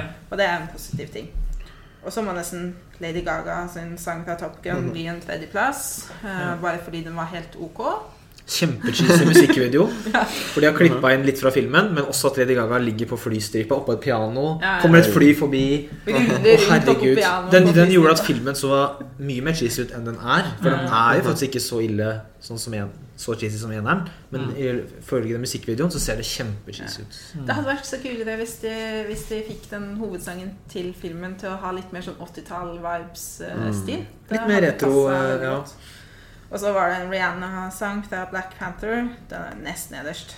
Den, allerede glemt den. ja, jeg glemte Ja. den. Det, men Jeg sovna da jeg så filmen på kino. Når hun begynte å synge. Ja, lenge før det. Lenge før det. Det var eh, Ja. så Opening credits. Nei, jeg anbefaler å heie på RRR. Ja, den uh, må jeg få sett, egentlig. Jeg blir bare gira på å se Jeg håper egentlig de skal spille den på seremonien, med litt sånn masse pleier- kostymer og kjør. De pleier jo alltid å opptre. Ja. Jeg så at Lady Gaga ikke skulle opptre. eh, like men, Her skal ikke Tom Cruise komme flyvende inn på ekte. Med, med, det siste flyet i filmen er jo hans fly òg. Han må jo komme med det inn i uh, Lady ligger oppå panser, holdt jeg på å si. Jeg Kanskje ikke men, eh, Jeg håper at de opptrer med dem, for det blir jo sikkert skikkelig skjene... Sky? Skikkelig sceneshow. ja, vi får håpe det. Vi får håpe det. Ja, ok, skal vi gå videre? Ja. Eh, Beste original score, altså soundtrack. Eh, filmmusikk. Der er det All Quiet on the Western Front av Volker Bertelmann. Jeg kan si navnene nå, da. Ja. Babylon av Justin Hurwitz. Banshees of Inisherin av Carter Burwell. Everything Everywhere All At Once av Son Lux. Og The Fablemans av John Williams. Her er det Nå begynner det å bli litt mer eh, så- skal si, ordentlige kategorier. Filmer som er på en måte nominert til mye. Det er eh, Western Front som ligger an til å vinne, men Williams og The Fablemans er litt sånn eh, snikende nummer to som kan plutselig ta den. Eh, så det Ja. Her har jeg nesten mer lyst til å snakke om hva som er glemt enn ja, disse fem, egentlig. Så, men jeg vet ikke Ja, vi kan godt gjøre det først. Ja, Vi er sikkert ikke de samme tingene vi snakker savner, da. Det er i hvert fall eh, tre filmer jeg savner. Og det er Blond, som, som jeg har hørt kanskje mest på. Syns jeg er utrolig kult soundtrack. Mm. Sånn heavy synt. eh, Minner litt om Mandy fra noen år tilbake. Ja, jeg syns det minte om Angelo Badalamenti og Ja. Twin Pics. Ja, det ja. Altså, The Northman hadde jo ganske heftig Ja, en film som er eh, litt sånn drøyt. eh, Har ingen nominasjoner. Ikke Mm. lyd, ikke noen ting. Kostymer. Så til slutt vil jeg nevne en film vi så på kino her om dagen. The Ja, Whale. Som hadde utrolig flott eh, musikk. rett Det var noe av det beste med filmen. Ja. Og det var ganske overraskende, for jeg hadde ikke tenkt over det. Men ikke. Og ikke hørt noe om det på forhånd heller. ja, og så, det, det hjelper veldig med suspensen i scener. Fordi ja, Vi kommer tilbake til det, men det er en film som bare foregår inne i et lite hus. Og selv der så klarte man liksom å faktisk få pulsen gjennom hvordan eh, musikken bygdes opp. da ja. Så jeg syns The Whale hadde et veldig bra soundtrack. når, når den filmen først er god, så er den Mm. veldig god. Og det er ofte med hjelp av musikken. da Ja. Så det er jeg veldig enig i. Uh, I tillegg til The Whale så syns jeg det er et veldig sparsommelig og ikke så mye nytt. Men jeg syns jo faktisk noe av det nye som Simmer gjør for Top Gun, kunne vært fått en liten nominasjon her. Det må jeg si. Ja. Jeg, Jeg kan liksom eh, ikke nok om hvor mye han tar fra originalen, men eh, det er jo dritbra. Jeg tror alt det Simmer har gjort, er nytt, i hvert fall. Eh, Det jeg har hørt mest på som er av det nye, da som ikke er de låtene og ikke er musikken som dette anthemet fra forrige, Ja. det er jo f.eks. en eh, veldig ambient låt når han kjører det der, nesten romskipet i begynnelsen, når han skal ha nå det der Mach 10. Mm. Da er det veldig sånn nesten interstellar eh, Det er jo Simmer, så det er ikke så rart. eh, Men det er kanskje litt for lite Litt for få spor som er nye, da. Og så ja, skal ikke jeg komme her og Jeg vet at vi har eh, Særlig kanskje du, Per, da skal ikke mase for mye om denne filmen i kveld, men New Age-soundtracket til Avatar Jeg har jo kost meg, litt. Lokke, lokke lukke øya og late som det er i CG Pandora. Eh, Jeg syns det er noen fine spor der. Så, men den filmen er jo, har jo bare fire nominasjoner, så den er jo åpenbart ignorert litt, da. Ja. Så er det jo gøy da med John Williams, som nå er over 90 år og fortsetter å lage musikk. Det er jo kult, da. Og han har At han jo ikke gir seg enda, liksom. kommer jo, Han har jo laget til den nye Indiana Jones-filmen òg. Ja. Ikke bare Harrison Ford som ikke gir seg. Nei. Den, den kommer jo snart en ny soundtrack der. Og Ja. Filmen kommer vel i mai eller noe sånt. Så. Så, nei, det er ikke så veldig store på en måte av de som jeg heier veldig på, så for min del kan godt John Williams vinne. Han er jo en rå fyr, så kan godt vinne for min del. Jeg har faktisk prøvd å høre gjennom alle de her. Eh, ja, jeg vet ikke Jeg syns faktisk eh, Western Front er noe av det den funker på også. Er faktisk litt Ikke alle spora med mye som går igjen, men det er en, et spor som blir brukt en del i de verste krigsscenene. Og den, den Ganske sånn hard hitting og litt sånn ubehagelig. Ja, det er jo nesten litt sånn Og det passer. dark ambient-aktig. Dundrende trommer oppå der og ja. Jeg husker jo at jeg også tenkte jo en del på musikken under Babylon. Det var en film som var ganske hit and miss gjennom hele. Det var Veldig mye- middels for meg. Mye Ja. musikk. Og det er mye film. Det er mye alt, da. Det er mye alt. Ja, det er mye kroppsvæsker og Ja, mye sånne ting også. Så Men, eh, men musikken funka jo ganske bra. Det er veldig hektisk, og det er høyt, så, men det passer jo til, eh, til filmen. ja. Men jeg, ikke, jeg husker ikke et sekund av det nå. Det er det som er problemet. Det er mye trommer. Ja. Ja, Det var kanskje det. Jeg har ikke hørt på noen av disse nominerte i ettertid. hatt den klassiske musikken til Herzog. Den burde vunnet. Ingen som klarer favoritter. Kanskje litt sånn Alle er greie, men tidligere år så er det jo ting som har satt seg mye mer. Ja. Jeg tror Veldig standard, men jeg tror jeg heier litt på faktisk John Williams. Det har vært litt gøy om han fikk en siste. Han har, jeg tror han har tre. Star Wars, Jaws og, Jurass- og ET, tror jeg. Burde ha Jurassic Park, men Han har kanskje ikke. tre. Ja, fem, tror jeg. Har han ikke Schindlers liste også? Man. Jo, den har han jo også. Eh, kanskje han Jeg tror det er fem, jeg. Jeg kan, eh, jeg kan sjekke Jeg trodde det var tre, men kan, jeg kan sjekke det hvis er dere, hvis dere Men litt. han har vel noen sånn 30 nominasjoner eller noe sånt. Da. Så Han- han er, jo, han er jo egentlig en stor eh, taper sånn sett i, i forhold til ratio, på en måte. Ja, Så han han er ikke han har fem, ja. Mm. Men var han, Kan ta seks. var han, hadde han to nominasjoner samme år? Jurassic Park Og Schindlers liste? Det skal Det burde han i så fall, for uh, Jurassic Park er jo dritbra. Det er veldig ikonisk, i er hvert fall. det. Det liksom helt Ser ikke ut som Jurassic Park ble nominert for musikk. Hadde jeg blitt nominert i år, så hadde det vært liksom Ja, ja, klart best. Standarden har sunket. Ja Man vant, han vant for Schindlers liste, i hvert fall. Og fire andre. Jeg vet ikke om jeg finner det her. i- Men da heier vi på Jaws vet jeg han vant, og Star Wars. Ja, og ET. Og E.T. Ja. Så er det en mindre kjent, kanskje, da, i tillegg. Er gærent. Ja. Nei, men øh, skal vi hoppe videre, eller er det noen som har noe mer å si der? Nei? Jeg husker, jeg har ikke hørt på det sånn som dere sånn i ettertid. Så Nei. jeg husker det på en måte bare fra filmene. Ja. Men da går vi over til det som er på en måte veldig film, da. De, De tekniske kategoriene rundt filmen her. Beste visuelle effekter. All Quiet on the Western Front, Avatar The Way of Water, The Batman, Black Panther og Top Gun Maverick. Skikkelig sånn blockbuster-kategorien. Det er jo det hvert år. Mm. Eh, ofte en kategori hvor likevel de små indie-filmene kan ta det. Det har vi jo sett før. Ja, og Blade Runner. Ikke at det var en liten film, men jeg tror den tok den foran noen Star Wars og noen andre sånne store ting. Eh, Og her er det vel ikke noe sjokk at det er Avatar. Selv, selv Per må vel være enig at det er fortjent. Håper jeg. Jeg syns det hadde vært gøy hvis en film som Top Gun På grunn at den er så mye mer sånn fysisk og ekte Ja. En annen type effekter, men eh, for all del. Avatar gjør noe Ja. ganske Eh, ny, nytt. Men jeg tror ikke du Det, jeg, det er nummer to på Bokmakerne, så det er faktisk ikke helt utenkelig. Eh, hvis det stemmer det der ryktet som det så den siste uka, at Top Gun liksom har begynt å snike seg på Best Picture òg, Oh. så jeg. da er det jeg Tror ikke det skjer, men jeg liker jo veldig godt overraskelser. Mm. Men det blir nok Avatar, og det er jo fortjent. Det ser jo det ser, Han ligger jo som regel 10-15 år foran på effekter. Ja, ja. Selveste Cameron, så Ja, og, og selv om man er uenig med hva som er bra med den, så er jo det kanskje det aller liksom, beste ved filmen. I hvert fall blant det beste. Så jeg syns jo det har fortjent at den i hvert fall får én Oscar, da. Når den på en måte har så mye bra ved seg. Den har jo færre nominasjoner enn den første vant. Ja.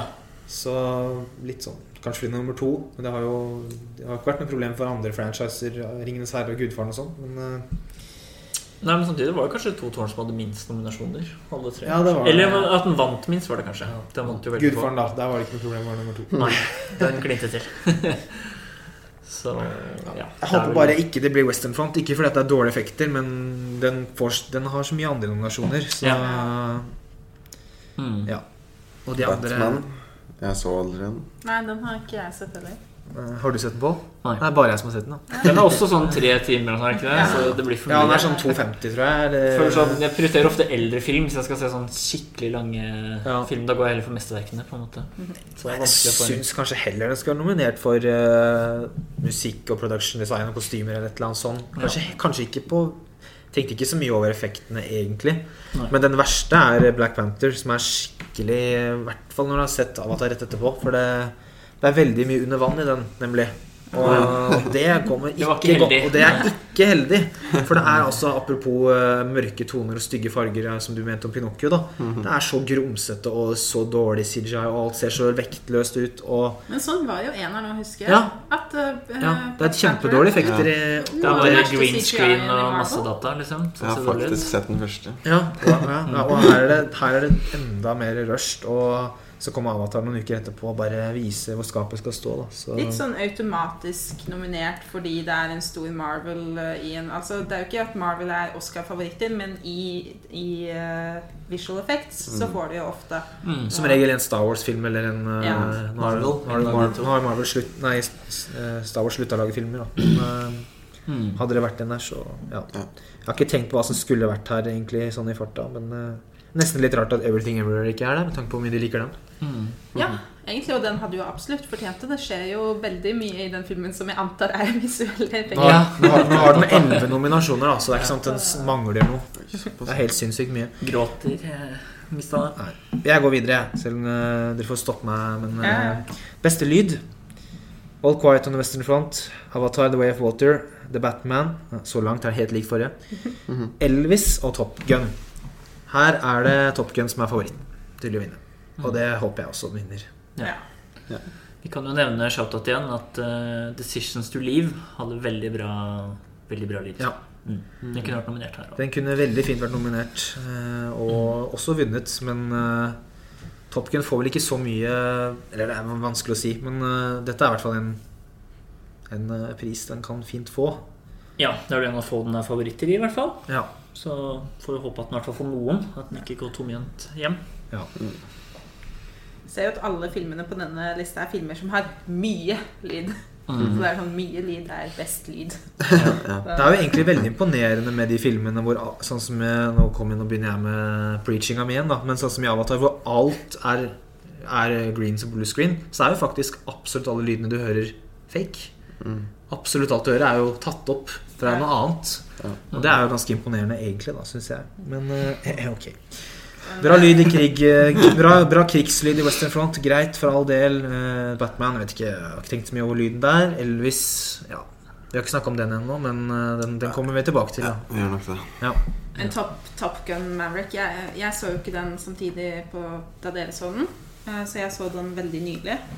Og lyddesignet der er jo helt fantastisk. Det Og du så den ikke på kino heller? ikke sant? Nei, jeg så den til på- og med hjemme. på kino. Vi så den på? IMAX, og vi ble helt eh, Ja. Jeg, Sitter i flyet. Ja.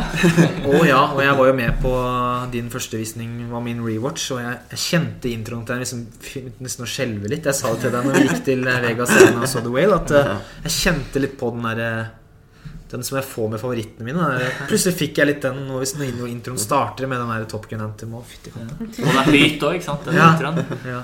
Så det er veldig bra. Håper, håper den vinner. Ja.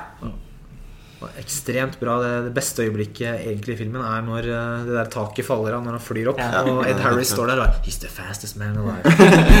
Så Ikonisk. den bør få den best sound, altså. Ok, neste. Best makeup and hairstyling. All Quiet on Western Front, The Batman, Black Panther, Elvis og The Whale. Her er det masse gjengangere, bortsett fra The Whale, da, som jeg, jeg eh, hadde ønska annet. Mm. Eh, Det har vært litt diskusjoner om hvor ekte det ser ut. Jeg syns det ser stort sett veldig bra ut. Men det er Elvis som er favoritten her, da. Det er også veldig mye makeup i den. På en Elvis som skal forandre kroppsfasong ganske mye i løpet av filmen. Og Tom Hanks, ikke minst. Og, og ikke minst Tom Hanks, som jeg synes ser mye dummere ut enn Brennan Fraser i The Whale. Ja. Ja. Ja, for han har også sånn vektoppgang. ja. Ikke like svær, men eh, det ser likevel Brennan Fraser er mye større, men ser egentlig mer riktig ut. Jeg må innrømme at jeg reagerte bitte litt på The Whale når han var i bar overkropp. For da tenkte jeg på han eh, godeste Fat Bastard i Austin Powers. det var noe med Det så sånn stivt ut. Men eh, liksom Ansikt og sånn er jo Det reagerer, reagerer jeg ikke på i det hele tatt. Det liksom sluker jeg som ekte. da Mm. Jeg syns det var sånn generelt utrolig bra. da Jeg håper egentlig at den vinner ja. Jeg håper det. Jeg merker at jeg heier litt mer på den fordi jeg likte den bedre enn Elvis. Mm. Så, rett og slett. Og fordi det er en liten indiefilm i forhold til Elvis, da. ja. Og likevel så syns jeg det ser bedre ut enn Tom Hanks sin Fatsuit. ja. Selv om den er mye mindre budsjett. Så det er jo litt rart, da. Budsjettet har gått til mye annet i Elvis. Mm. Og det er en viktig del av han at liksom det er jo transformasjon, da, som fysisk. At han liksom blir større enn det han er gjennom makeup, og ikke Og vi ser jo på visuelle green screen. Ja. gjennom den Ja. filmen. Så han har masse vinkler og med og uten klær. Og, så jeg er litt enig med Per at kanskje noe av det av og til skurrer litt, men sånn stort sett, da, så syns jeg det var bra. Vi går videre. Mange av disse filmene, eller alle, kom jo hjem. Batman var ikke noe sånn pingvinmann eller et eller annet? Eller? Jo, eh, det er for så vidt en veldig ugjenkjennelig Colin Farrell, som vi også kommer tilbake til. Ja, det er han som spiller? Han som spiller pingvinen. Eh, han skal til og med få sin egen HBO-serie. De skal selvfølgelig utvide dette universet her.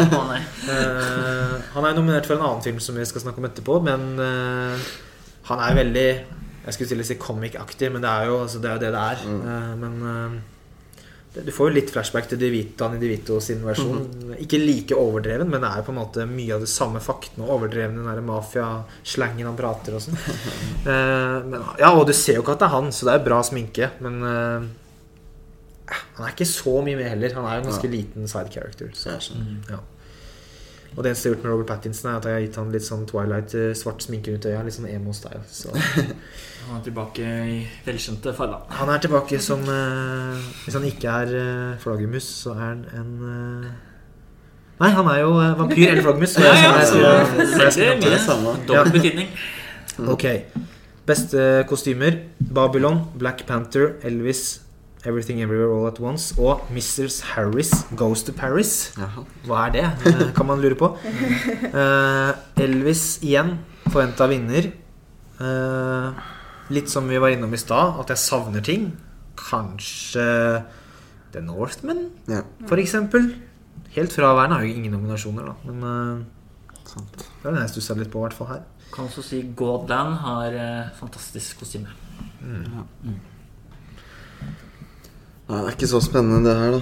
Eh, Jeg syns jo Elvis Det ser jo Nå er jeg ikke en ekspert i det hele tatt på epoken, men det ser jo troverdig ut og fint ut og sånn. men- jeg føler du er en som kan nesten kostymer, kanskje Eller jeg føler i hvert fall det virker Jeg, jeg reagerer veldig sterkt hvis noe er veldig dårlig, men det er ofte mer sånn eh, eh, barokk og rokokko og sånn enn ja. eh, 50-60-tallet. Eh, nei, jeg har ikke noe Var, smart å si. var Fablemans eh, nominert? Niks. Nei, det syns jeg var litt snubb, da. Jeg syns de klarte bra der også, da. Epoken, det er vel 50- og 60-tallet den foregår på. Ja. Det syns jeg han fikk det bra. Ja. Han har en veldig kul oransje genser i Nope. Så han kunne Ja, nope, ja. For øvrig en film som Hele også kunne vært nominert for uh, lyd og visual effects uh, og andre ting. Helt fjerna fra alle kategorier.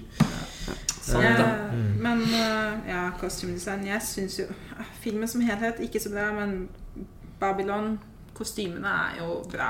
Jo da. Det er nesten en sånn det er en sånn overindulgent film, og Ja. jeg føler at kostymene er jo en del av det. Den prøvde jo å få ti nominasjoner. Du Ja. merker det på den, men den, den, den er ikke så Den er veldig lite tight, og det er, det er dumt når den er tre timer og ti minutter, altså. Ja. Mm. Men Den er, den er, jeg tror den er ett minutt lenger enn Avatar eller noe, og det går Oi. ikke når det er sånn film. Eh, jeg syns den føltes ekstremt lang, altså. Ja. Um, Det er veldig trendy i år med tre timer. Everything Everywhere All At Once. Jeg syns det er kult at den har kostymenominasjon. Den gjør jo veldig mye. Det Altså, Mm. Du har jo karakterene som spiller 18 versjoner av seg selv og skal Mm. De skal på en måte umiddelbart se, kunne se forskjell på dem og se det litt ved sånn stilen. For av og til så er det jo bare noen få sekunder. Og det klarer den jo veldig bra. Ja, det er kanskje noe blant eh, Kan du røpe at jeg er ikke så fan av den filmen egentlig, men eh, Det kostymet syns jeg er mye kreativt og forskjellig. og sånt. Ja. Så, Utgangspunktet er det jo Landets bedre ting, da. Ja, for den er jo utgangspunktet kontemporær, men så reiser det jo liksom som, til så mange versjoner. Mm. Noen er bare et halvt sekund nå, liksom Ja, fra alle Så du må tids... etablere en visuell stil veldig raskt Ja. på karakterene. Det er et godt poeng, egentlig. Ja. Ikke noe kostymedrama i nei, det er i hvert fall ikke den, den type. Sånn Nei, Babylon eh, foregår jo liksom for 100 år siden, men uh, bortsett fra det, så jeg vet ikke med den Harris Goes to Paris. Kanskje den er eh, At de alltid må snike inn noe sånn Barry Lyden-kostyme. Black Panther syns jeg har Der reagerte jeg på at det var dårlige kostymer. Så jeg vet ikke helt hvorfor den er med, men uh, ja. Det er litt kul den jakka til Tom Cruise òg, da. Kunne nominert den. ja det er noen med den oransje genseren i Hope. Ja. Nei. Nei, skal vi hoppe videre? Det er flere bare kjente filmer som kommer igjen. Beste production design. Og de nominerte er All Quiet on the Western Front, Avatar The Way of Water, Babylon, Elvis og The Fablemans. Faktisk litt overraskende at de fikk pressa inn The Fablemans her, for de andre er så veldig Veldig production designa filmer. Mm. Uh, her er det Babylon, som er Det er vel den første jeg har sagt det på. Babylon som er forventa å vinne. Eh, for jeg, jeg leste at det er eh, visst veldig uvanlig å vinne denne uten å være nominert for kostyme. Det har visst nesten skjedd, veldig sjelden skjedd. da Mm. Og de to her som er nominert for kostyme, er Elvis og Babylon. Ja. Uh, så det er vel det som er forventa. Vi har jo snakka litt om det digitale production designet av Avatar, Paul. Mm. Men hvis planetene står på linje her, så kan det jo gå riktig vei. Det er kanskje den kategorien hvor jeg heier på Avatar, da. Og jeg synes jo Hvis det er en ting vi får til, så er det sånn world eh, building, Ja. som det heter på godt norsk. Ja. Jeg håper den vinner. Eh, Nå har jeg faktisk en del her jeg ikke har sett, da. Men uh, produksjonsdesign er jo dritbra i Avatar. Du føler virkelig at du er, er, er der de er, da. Veldig bra laget. Mm. Jeg er glad for at de anerkjenner digitalt production design Mm. på lik linje med fysisk production design.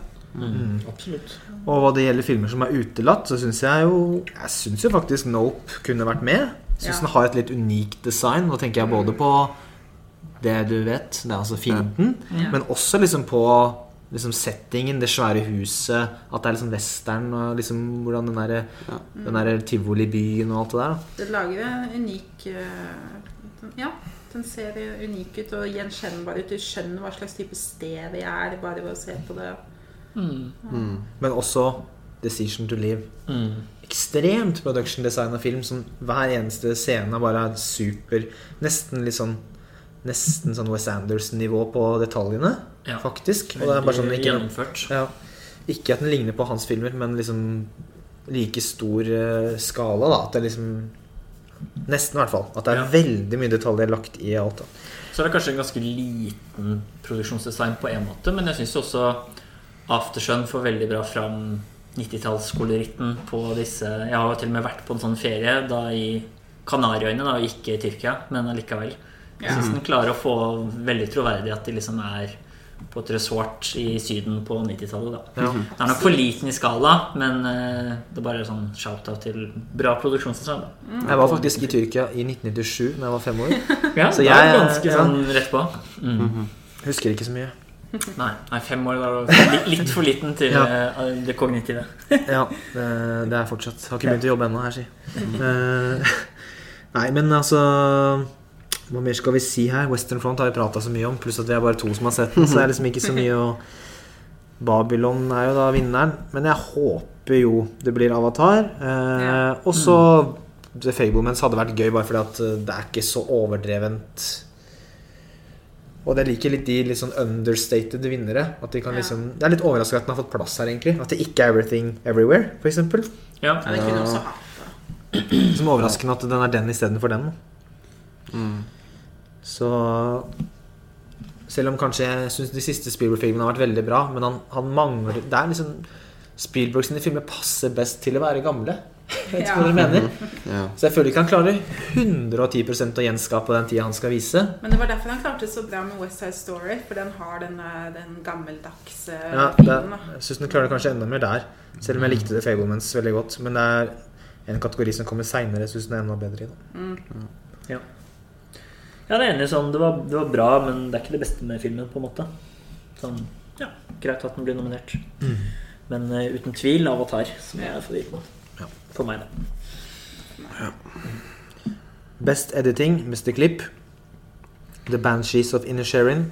Elvis. Everything Everywhere All At Once. Tar og Top Gun Maverick. Uh, ja, her må vi litt inne på det som jeg sa i stad med actionåret 2022, da. Fordi jeg jeg syns jo det har vært ekstremt godt når det gjelder nominerte Top Gun. Og ja Dette er vel kontroversielt i visse kretser, men tre timer lang Avatar syns jeg skal få en editing-nominasjon, da. Eh, den forventede vinneren er Everything Everywhere. Den er veldig sånn klippete. klippete. Liksom, Det er veldig mye. Ja. Og Top Gun er en solid nummer to på Bokmakerne, så her kan vi håpe på et lite mirakel i Top Gun-fans. Ja. Dette var egentlig det Hedvig nevnte i stad, at ofte bytter de best med mest. Ja. Ja. Og her er jo kanskje det virkelig mest, da. Og jeg tenker jo det er en stor svakhet ved filmen. At det er så heseblesende fram og tilbake at i noen scener funker det, men sånn jevnt over så syns jeg editingen er ganske dårlig. Og det gir jo ekstra utslag i slutten som skal være emosjonell, men ikke blir det fordi den har ikke tatt seg tid til å bygge opp det emosjonelle, da. Syns jeg. I Så jeg syns kanskje det er noe av det faktisk svakere med filmen. Og dette er kanskje den største snubben av alle kategorier. Og det er Decision to Leave, som kanskje begynner å bli kjedelig, men det er eh, helt utrolig. Og det beste med denne filmen er rett og slett overgangene, da. Som er så eh, filmatiske og virtuose, og også symbolske ofte. At du liksom får ting som vi nevnte på denne podkasten, sånn en person som går inn i hånden og det, det, bare, det er helt utrolig. Det er liksom noe av det mest imponerende rett og slett jeg har sett fra det året. For jeg har vel i likhet som deg Jeg har den høyt på topp ti, men ikke helt i toppen. Fordi den kanskje mangler litt på sånn historie. Men sånn, Ja. hvis du går på Det det tekniske, tekniske, da, er helt så er liksom filmklippingen er helt utrolig. Så det er supersnubb. Ja, jeg, Vi prata jo masse om det i den podkasten. Det er veldig rart at den ikke er med. altså Jeg vet ikke helt hva de har tenkt på. Jeg syns også det er en snubb at The Fablemans ikke er her. For uansett om man syns at Speedwork er eh, overrated, og kanskje Fablemans ikke var det beste han har gjort på Så det er ikke noe å utsette teknisk på Jeg syns ikke den er for lang heller. Jeg synes liksom den, var, den, er, den er jo dritlang, det er alltid filmene hans, men Den har et fint driv. den har det. Og den klarer å hoppe mellom mange de forskjellige Det er ganske mye som skjer. Ganske stor film. Man Hoppe ha mellom sånn mange- naturlig flyt, og det er det jo i de fleste, fleste Spielberg-filmer. Mm. Det er eh, fin, god, naturlig flyt, og det kommer ikke av seg selv. Mm. Det, Nei, Jeg syns det er verre snubb i Best Cinematography, men det kommer vi til etterpå. ja, det, det Så kommer jeg også til. vel Jeg føler Top Gun min soleklare favoritt, da. Min, minne om. Jeg hadde faktisk ikke blitt sjokkert hvis Elvis tok den. Fordi den er også veldig sånn klippete film. Med litt sånn musikkvideoestetikk og Det sånn er av og jo til. Bas Lurman. Ja. Det er jo veldig hans Det er også veldig sånn mye Mye er ikke nødvendigvis best. Da. Jeg syns Elvis ble litt masete. Men jeg har veldig sånn elsk-hat-forhold til Lurmans Lydmans filmer. Jeg syns det funker veldig godt i Moulin Rouge og Romeo og Julia Synes det, De gamle filmene blir, eh, Funker veldig dårlig i f.eks. Great Gatsby. Men den Eh, Elvis minner jo mer om Gatsby enn noe annet. Det er den derre CGI-overdrevne kameraet som flyr inn ut av vinduer og sånn. Det fungerer bedre i Elvis enn i Gatsby. Men det er fortsatt Det er, det er ikke helt uh, Ganske likt for meg. Jeg husker ikke så mye. mye av Gatsby. Mm. Og så tar da Er det første gangen tar uh, Ja, den har, den har jo faktisk en del nominasjoner herfra ut, men dette er vel første gang den har dukka opp her. Jeg likte jo den filmen ganske godt, men Jeg kunne klippa en time, nesten. Jeg er ikke fan, da. Ja, jeg er ikke så fan av filmen heller, og jeg syns jo i hvert fall ikke klippingen var det beste med den. Så jeg kunne godt droppet den. jeg syns den har noen morsomme Jeg synes det, er, det som er nesten best med editingen, er humor, egentlig. Sånn der eh, Naboen klager, og så klipper det til at du spiller trekkspill og sånn. Det er noen sånne humoristiske overganger. Det er nesten det jeg husker best når det gjelder klipp. Og så er det noen litt sånn der eh, innskudd av noen sånne veldig absurde ting. Sånn Plutselig er det svart-hvitt, og det er noen sånne skyggegreier. Og, hvis du husker det Og plutselig ligger hun på en seng ute i jungelen, og det er noen sånne, der, Ja. sånne ting. Vi så jo traileren her om dagen, og Ja. både jeg og Pål reagerte på at liksom, det er ikke den filmen her vi så. Ja. For Nei, der ikke traileren ganske lover noe annet, for så vidt. Selv om alt er jo med. ja. Men uh, Jeg den syns også den var altfor lang. At det, det er nesten min største innvending mot den, faktisk. Så jeg syns ikke den burde hatt klipp. Men jeg syns likevel den filmen jeg synes, kanskje syns er liksom mest rart er her, er nok Banshees for meg. Så skiller jeg veldig syns det er litt rart at den er med. ut, ja. Jeg digga jo den filmen, men jeg Det er kanskje ikke klipp jeg vil Nei, hvorfor er den her? Den tar seg god tid, da. det er liksom det motsatte av flere av de nominerte her. At liksom Den har jo også det Ja. Veldig lite klippete. fin og naturlig flyt, men kanskje litt Nei, det, ma Det er, mangler det er kanskje det, da. At uh, de tenker kanskje at den flyter bra. Som jeg kanskje er enig i kanskje ikke i seg selv er nok til å liksom få en Oscar-nominasjon. Men samtidig, jeg vil heller det Ja. enn overklippa sånn every, every, Everything Everywhere All At Once, da. uh, men ja, jeg er enig. Det er rart at den er nominert. Men til Everythings forsvar så er det en film som prøver å bruke klipping som en del av liksom Mm. Ja. filmspråket sitt da, i ganske Ja. stor grad. Og det er jo ikke den. Den er en film som de du ikke reagerer på at de klipper, nesten, fordi den er så uh, Hva skal jeg si? Jeg ble ganske overrasket om den ikke vinner, egentlig. Jeg vil jo si at Everything Everywhere All At Once-klippen Når man ikke liker det, så er det jo mer en smakssak, og ikke nødvendigvis at det er mislykka. Ja, men det er litt som jeg sa med struktur nå, da. Det er kanskje ikke Ja, det det er- tekniske, Jeg men der. Ja, men det er bra med litt diskusjon. Det har egentlig, det har egentlig vært veldig lite av det. At vi har vært sånn derre Det er ikke enig i det du sa nå. Så det er bare å ta fram boksehanskene. Ja. Men ja, det er vel blant de kanskje mer sikre. Vet ikke. Selv om Top Ja. Gun er en liten dark horse. så- Ja, det virker som Top Gun er en dark horse her. Ja, Altså. det bra. det siden av elleve nominasjoner, da, så er det liksom hvis en skal begynne å tappe de, så Altså kanskje den ikke blir så mange. slutten, slutten på Eller mot slutten da, på Top Gun, den liksom hoved... eh, Hva skal man kalle det? Actionscenen. Oppdragsscenen. Mm. Det er jo helt uh, utrolig spennende. Satt, Ja, ja. I, satt i Jeg satt jo ikke i kinoen jeg, men satt i sofaen og bare svetta. Og der har jo klippinga mm, ekstremt mye, mye Ekstremt mye å si Det har det, altså. for i den tension-bygninga den klarte der. Ja. Uten tvil noe av det beste filmen. Ja, ja. og så er Top Gun litt sånn Nesten sånn uten at man merker det hvis man er liksom sånn Jeg tror de mange tilskuere ikke merker at den er sånn sykt sånn perfeksjonert klippa. At historien henger så sykt bra på greip. da Du skjønner hele tiden hvor vi er, hva, hva som skjer, og alt har stakes. Fordi du vet Ja. I den første filmen så er det ganske mange scener hvor de flyr rundt, og det er litt sånn Hva er det de egentlig driver med nå? Mange lange scener hvor de flyr. Her er det hele tiden klart hva de skal, Ja. hva de gjør. Og det er veldig bra når de skal lære seg å fly denne sinnssyke greia ned og slippe bomba opp igjen.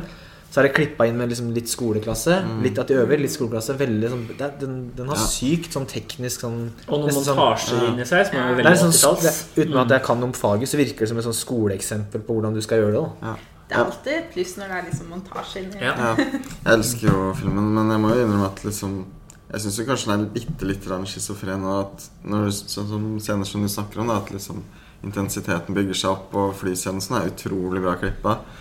Men alle liksom mellomscener eller eh, normal, prat, normal prating mellom personer, så virker det som ikke kunne brydd seg mindre om hvordan ting ser ut. Da. At det der er veldig sånn lat på de ja, scenene hvor du bare skal liksom komme videre i historien. Mens de scenene av betydning så virker det som det er lagt sånn sinnssykt mye mer arbeid i. da. Heldigvis er det noen mellomting av dialog og action, som er den der solnedgangene, flyet som lander, eh, volleyball på stranda. Men jeg, når de prater med hverandre, så er det for så vidt ganske Ikke, for, ikke at det er et problem, det heller. Det er greit at de liksom bare ja, er standard, på en måte. Men eh, ja, det er ikke alt som er lagt like mye arbeid i, da, er poenget mitt. Nei. kontroversielt. Nei. Nei, skal vi gå videre? Best cinematography, eller beste foto. En stor kategori. All Quiet on the Western Front. Skulle tro da hadde alle nominasjoner. Bardo. False Chronicle of a Handful of Truths. Av Inaritu. Kjent for eh, The Revenant osv. Denne filmen her har jo gått veldig under radaren og ikke har så blå bøss. Elvis. Empire of Light. En film som ikke er nominert til så mye annet. Sam Mendes. Og Tar. Jeg liker noen av disse filmene, men jeg syns denne kategorien egentlig totalt sett er sånn veldig trainwreck i år. Eh, jeg liker jo Tar, som dere vet. Men altså, som jeg sa før vi spilte inn, her kan jeg lage min egen topp fem, nesten. Ja. Jeg har for så vidt bare skrevet fire, fordi jeg kan godt, eh, kan godt beholde Ja, nei, jeg vet ikke. Nei, ingen av de er liksom egentlig liksom, liksom på best Burde vært med her, men ok. Decision to Leave, The Fablemans, Top Gun og Avatar. Come on. ja. De fire, jeg Jeg tenker syns ikke Avatar men det er zoominga si og sånn. Men Hvalen uh, under, under vannet, Per. jeg må innrømme at jeg ikke har satt meg så godt inn i nominasjonene. Når jeg ser lista nå, så er den uh, veldig stakkarslig. Litt sånn underwhelming. Ja, det er vanligvis en favorittsjanger, nesten, som man gleder seg til. Og her er det masse å plukke i. Men det er ikke noen jeg virkelig heier på her. da Jeg glemte å si det, da, men All Quiet er favoritten. Ja. Men jeg tenker egentlig alle de du fire nevnte, er- liker jeg også veldig godt. Og så syns jeg også, igjen, og den er jo helt glemt, men Gådeland Ja. er også ekstremt bra foto. Den på en måte bygger hele estetikken sin på eh, gamle polaroidbilder fra sånn skifte mellom 1800-tallet og 1900-tallet.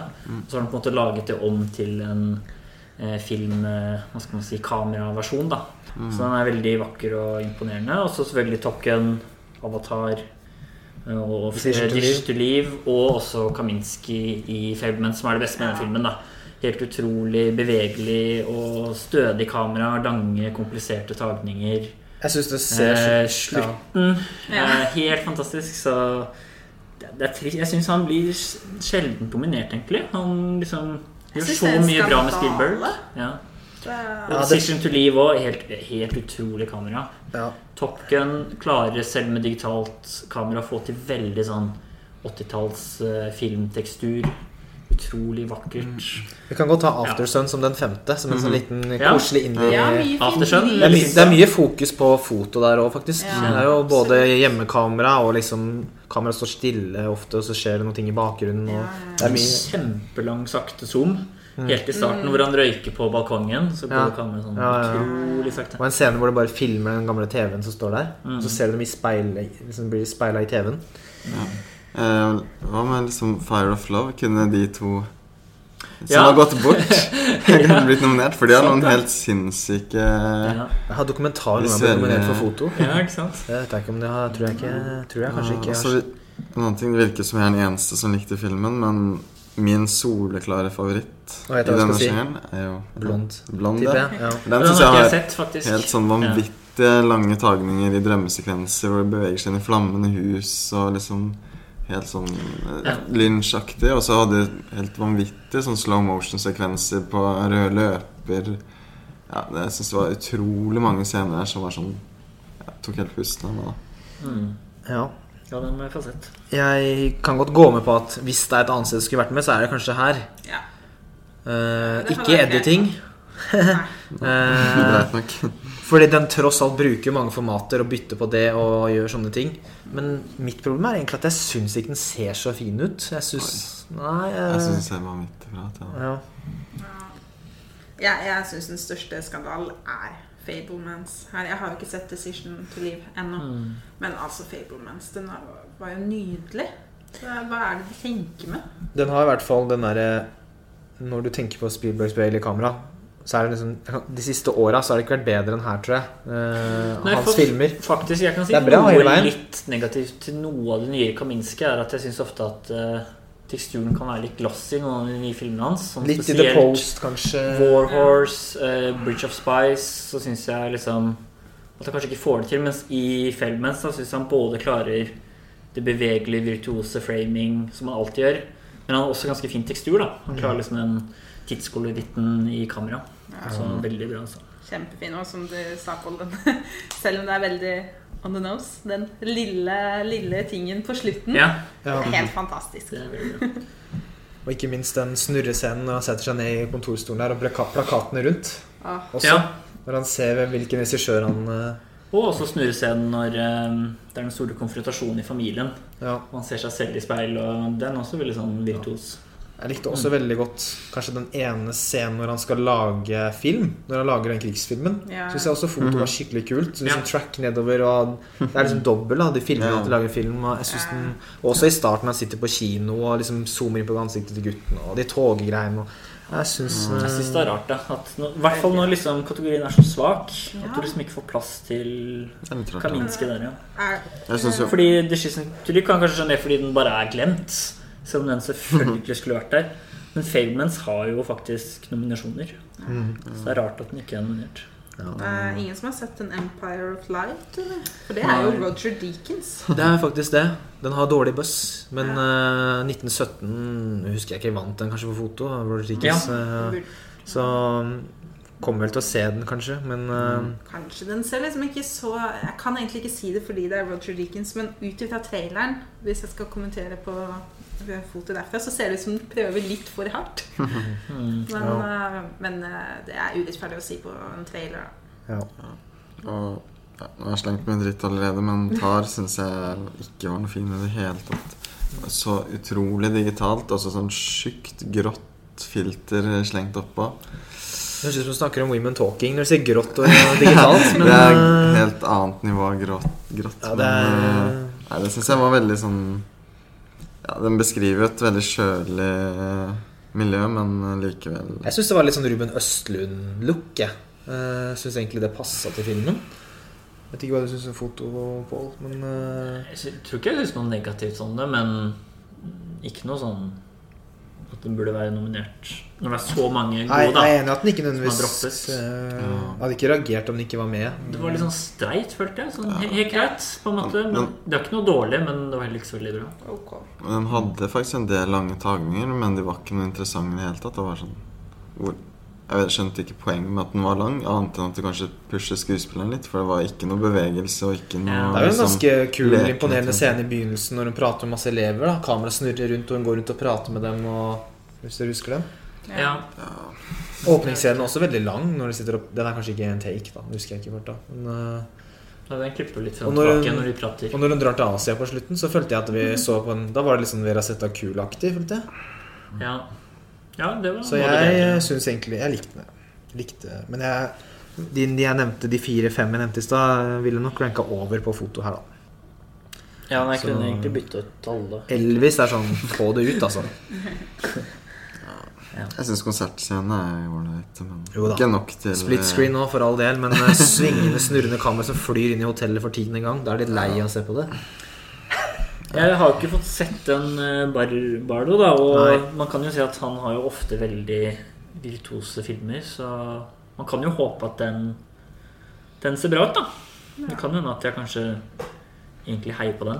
Hvis Jeg har ikke fått liksom med meg hva det her er for noe i det hele tatt, egentlig. Bardo. Nei, Det er sånn ekstremt lang film som skal være veldig poetisk, da. Om en fyr som går rundt og danser på diskotek og ja. Det er jo i, det er jo i Naritu, Mm. så Det ser jo som regel bra ut. ja, jeg tipper den eh, Om den så er dårlig, så tror jeg den kan se bra ut, i hvert fall. da ja. Så en av de jeg kanskje kan skjønne at kan være der, men uh, ja. Det er jo han eh, Darius Konji som har laget Seven, blant annet. Altså, det, er ikke, det er ikke den faste, faste fotografen til Naritu, som jeg av en grunn ikke husker navnet på akkurat nå. Ok, nei skal vi Lubeski. Lu- Ja, ja, ja. Emanuel Lubeski. Emanuel Lubeski. Men Darius Kanji har jo gjort mye kult, så sikkert bra. Ok, vi går videre. Vi håper The Fablemans vinner, som ikke er nominert. Ja. Eh, da har vi egentlig igjen liksom eh, skuespillere, manus og film og alt det der. Ja. De siste store. Best Adapted Screenplay. All Quiet on the Western Front for 40. gang. Eh, Glass Onion, A Knives Out Mystery. Living, Top Gun Maverick og Women Talking. Og Women Talking, Per, er da Han måtte bare For- gå og lufte seg, for han ble så sur. uh, Women Talking er jo da forventet vinner. Ja. Og uh, Glass Onion er visst en liten joker. ja. Og den er bare nominert i denne kategorien. Ja. Glass Onion. Ja. Ofte Hvis- sånn i screenplay. Ja, uh, Get Out og sånn. Og, gøy med screenplay-kategoriene, synes jeg, at der kan det ofte komme litt eh, Kan det komme litt overraskelser og litt nye fresh air-ting. Uh, Women Talking så vi ganske nylig, og den, den hadde jeg veldig sånn konfliktet føles som. Per sitter der og rister på hodet. vi hadde veldig lave forventninger. Ja, men jeg kan lave like, forventninger. men uh, før du sier litt positivt, da, så kan jeg si at jeg syns det er den dårligste filmen av alle nominerte filmer, Ja. tror jeg. Jeg skulle til å si det Sånn film, liksom sånn Jeg får skikkelig sånn Netflix-film som, kom, som liksom vanligvis ikke ville hatt noen nominasjoner. Jeg skjønner Det er mange flinke skuespillere med òg, men ingen av dem syns jeg funker spesielt bra. Historien er liksom dårlig satt opp. Jeg, jeg, jeg, og de snakker så superteatralsk til hverandre. Det, men det er jo det jeg tenker, da. Eh, Jeg Så ja, skal ikke si så mye si- bra om den, jeg Nei. heller. Men jeg satt jo og tenkte på at jeg ville likt denne som et teaterstykke. Jeg tror jeg hadde fått mye ut av å se på den liksom, hvis det bare var en sirkel med damer på en scene som satt og acta ut hele det her. Og jeg, så hadde det føltes mye Eller at de hadde kanskje tatt steg i filmen og gjort den enda mer teatral, selv om den er det bare for å gjøre et eller annet stilistisk som forklarte egentlig hvorfor filmen er som den er. For det er jo ingenting naturlig i, i eh, manuset på denne filmen. Det de, de det foregår jo om Det handler jo om undertrykte kvinner som ikke har noe som helst utdannelse. Men som snakker som om det er Det, det høres ut som en samtale mellom Platon og Sokrates. Liksom. Og det er mitt største problem. Da, at eh, Selv om det kunne vært teaterstykke, så syns jeg jo de, dialogen er dårlig. Ja. Rett og slett fordi at det er så det høres, du tror, Jeg tror ikke Ja. på det de hører. Jeg sendte inn noen snaps. Ja, de, liksom, ja, ja. liksom, Det manuset her er jo skrevet av et barn. For jeg syns det var liksom enkeltsitater med jevne mellomrom som var sånn Jeg kunne ikke tro det jeg så, da. Så, og det, er ikke, det, er, altså, det kunne jo vært en bra film hvis, hadde, hvis det hadde vært litt mer autentisk for min del. Hvis jeg hadde trodd litt mer på universet. Premisset er jo ikke dårlig. Nei, og det kunne godt vært uh, teatralsk òg, men det er for meg er faktisk de, liksom orda. Ikke liksom egentlig at det er teater, men hvor det, hva de sier, da. Og jeg syns jo skuespillerne gjør det bra òg. Eller ikke de, mange av det. Jeg syns jo Claire Foy er veldig god. Men, uh, men i settingen så Jeg klarer ikke å riste av meg den litt sånn unaturlige følelsen, da. Gi, gi det til Top Gun. For meg så ødelegger det dessverre alt, da. Uh, og så er- ser den helt forferdelig stygg ut òg, da. Ja, det er Men, ikke så mye øh, men ja, den er ikke pen. Det, det er den ikke. Ben Whishaw spiller liksom, liksom ah, Han er liksom Det er bare surr med han nå, syns jeg. Hvem er den beste skuespilleren i filmen, egentlig? Eh, det er- Jeg syns Claire. Foy Du syntes um, Kanskje hun Jessie Buckley, hvis Ja, jeg må Jessie velge én. Hun som blir banka på slutten. Ja. Ja, for da, da fikk jeg litt i hvert fall liksom Da fikk jeg litt sympati, for det er jo forferdelig hva de går gjennom. Men jeg bare trodde ikke på, på det, liksom. Det føltes så oppstilt, da. Og den er favoritt i tillegg. Den er favoritt. Eh, Jeg tror den er en favoritt fordi liksom, eh, dialogen i seg selv Hvis det hadde vært uh, et debattprogram, eller noe sånt, mm. så hadde du tenkt at oi, dette er veldig bra poenger. Disse er veldig gode til å snakke for seg. Men uh, men de skal jo ikke kunne lese og skrive engang. Det er derfor det er litt rart at de snakker sånn, Ja. jeg. ja. altså, jeg, jeg antar jo at de har på en måte gjort det med vilje, at at det er et stilistisk valg, men det funker ikke helt. Nei. Nei, det funker ikke i det hele tatt, da. Du får lov til å mene det. Men uh, jeg vil også bare si uh, bitte litt om All Quiet on the Western Front, siden den er nominert til så mye her. For det er jo en veldig kjent Mens du har hånda i boka, eller er sånn lå bak Ja, her i jeg stad? var titta på boka i stad. Vi har den i hylla. Uh, det er jo en veldig kjent bok, og den har jo blitt filmatisert før. Og jeg syns jo filmen var grei, men uh, den går litt vekk fra budskapet i boka. Og budskapet i boka er ganske viktig, og Mm. det har med tittelen på boka å gjøre òg. Men den går egentlig helt vekk fra det. Og det I hvert fall når det gjelder eh, klimakset. ja, det Jeg skal jeg egentlig ikke si for mye, fordi det handler egentlig om spoilere. Men klimakset i filmen ødelegger litt sånn hva boka handler om. Men har noen av dere sett den originale filmen? Ja. Ja, Er den nærmere boken, eller nærmere den filmen? Den er nærmere boka. Jeg tror filmen Ja. kom ut samme år som boka. Så det er veldig sånn, jeg tror Ja. det var veldig sånn nasjonsbygging. nesten sånn, Nå lager vi filmen, nå lager vi, og her boka her er filmen. Og så ble den banna med en gang. Som en banna. Og så kom Hitler, og så ble det krig like. Men så Jeg syns ikke den burde få screenplayene når den litt sånn Når den misforstår eh, teksten den er basert på, da. Ja. Det som er litt interessant, er jo en film som jeg ikke har sett, og jeg tror ikke det har sett heller. Men eh, 'Living' Mm. den er jo basert på en film jeg liker veldig godt. Eh, av Mm. Akira Kurosawa. Mm. Som handler om en eh, person som får dødelig kreft. da Og hvordan han liksom skal bruke sine siste dager på jorda og liksom filosofere rundt at han føler at han på en måte har sløst bort og brukt tiden dårlig opp til nå. da Så det er jo liksom interessant at så lenge etterpå så er det laget en film om den. Men Mm. eh, ja, når vi ikke har sett den, så er det vanskelig å vite om den tar det bra fra Kurosawa, eller om den gjør det dårlig, da. Men eh, det er i hvert fall litt interessant, da. Mm. Veldig mange år siden jeg har sett Ikuru nå. Det var en av de første Kurosawa-filmene jeg så, faktisk. Ja, Bare fordi, at jeg kjøpte en, eh, bare fordi jeg kjøpte en boks på Nordby i Sverige som tilfeldigvis hadde den med Syv samuraier og Yojimbo. Ja. Det er kanskje en av de største av han jeg ikke har sett. Jeg har liksom bare sett sånn her eh, sverd, sverd og pil og bue. Ja, det nok helt annet. Den og den derre ja, High and Low, som jeg sa. Ja. Kanskje de to mest annerledes. kjente som ja. ikke er, Ikke er sånn, ja. Det er vel nok de to mest kjente som Mm. ikke er periodefilmer. Mm. Og så er det litt sånn rart med den kategorien her, fordi adapted Det kan det være, både være hvis det er fra en bok eller eh, skuespill, men også fordi det er basert på en tidligere film. Hvis det er en oppfølger, så blir Ja, det for Top Gun. Maverick adapted screenplay. Ja, sånn tenkte på det. Ja, det er jo litt rart, på en måte, men sånn er det bare. Så Det er, det er vel fordi da er karakterene og sånt i universet allerede etablert. de fins fra før, liksom. Ja. Ja. Jeg syns jo Top Gun kan få en shout-out til manus fordi eh, den gjør jo Den lager så tight manus av det som egentlig er et ganske vagt konsept. Det kan, kan jo være litt sånn skralt hvis du skal beskrive første Top Gun sånn hva liksom, Det første er bare en stemningsrapport. Ja, Ja, veldig sånn stemningsrapport. Og så er det jo Begge er jo sånn superpropagandafilmer. Mm. Men, eh, men den klarer å lage en så tight film med egentlig lite å jobbe med. Nummer to er bra propaganda. Yeah. Det er på en måte litt det jeg sa i stad om at klippen og det er sånn der eh, skoleeksempel, men litt på manuset om at du hele tiden skjønner hva som skjer. Motivasjonen er så tydelige.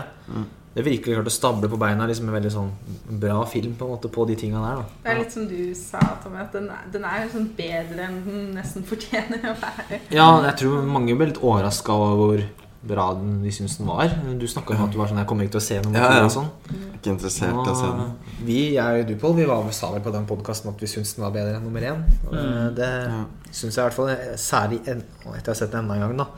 Den er så utrolig liksom Historien er så Det er så veldig sånn Det er som en skikkelig god eh, fastfood. Det bare Alt klaffer, og det er enkelt å fordøye det.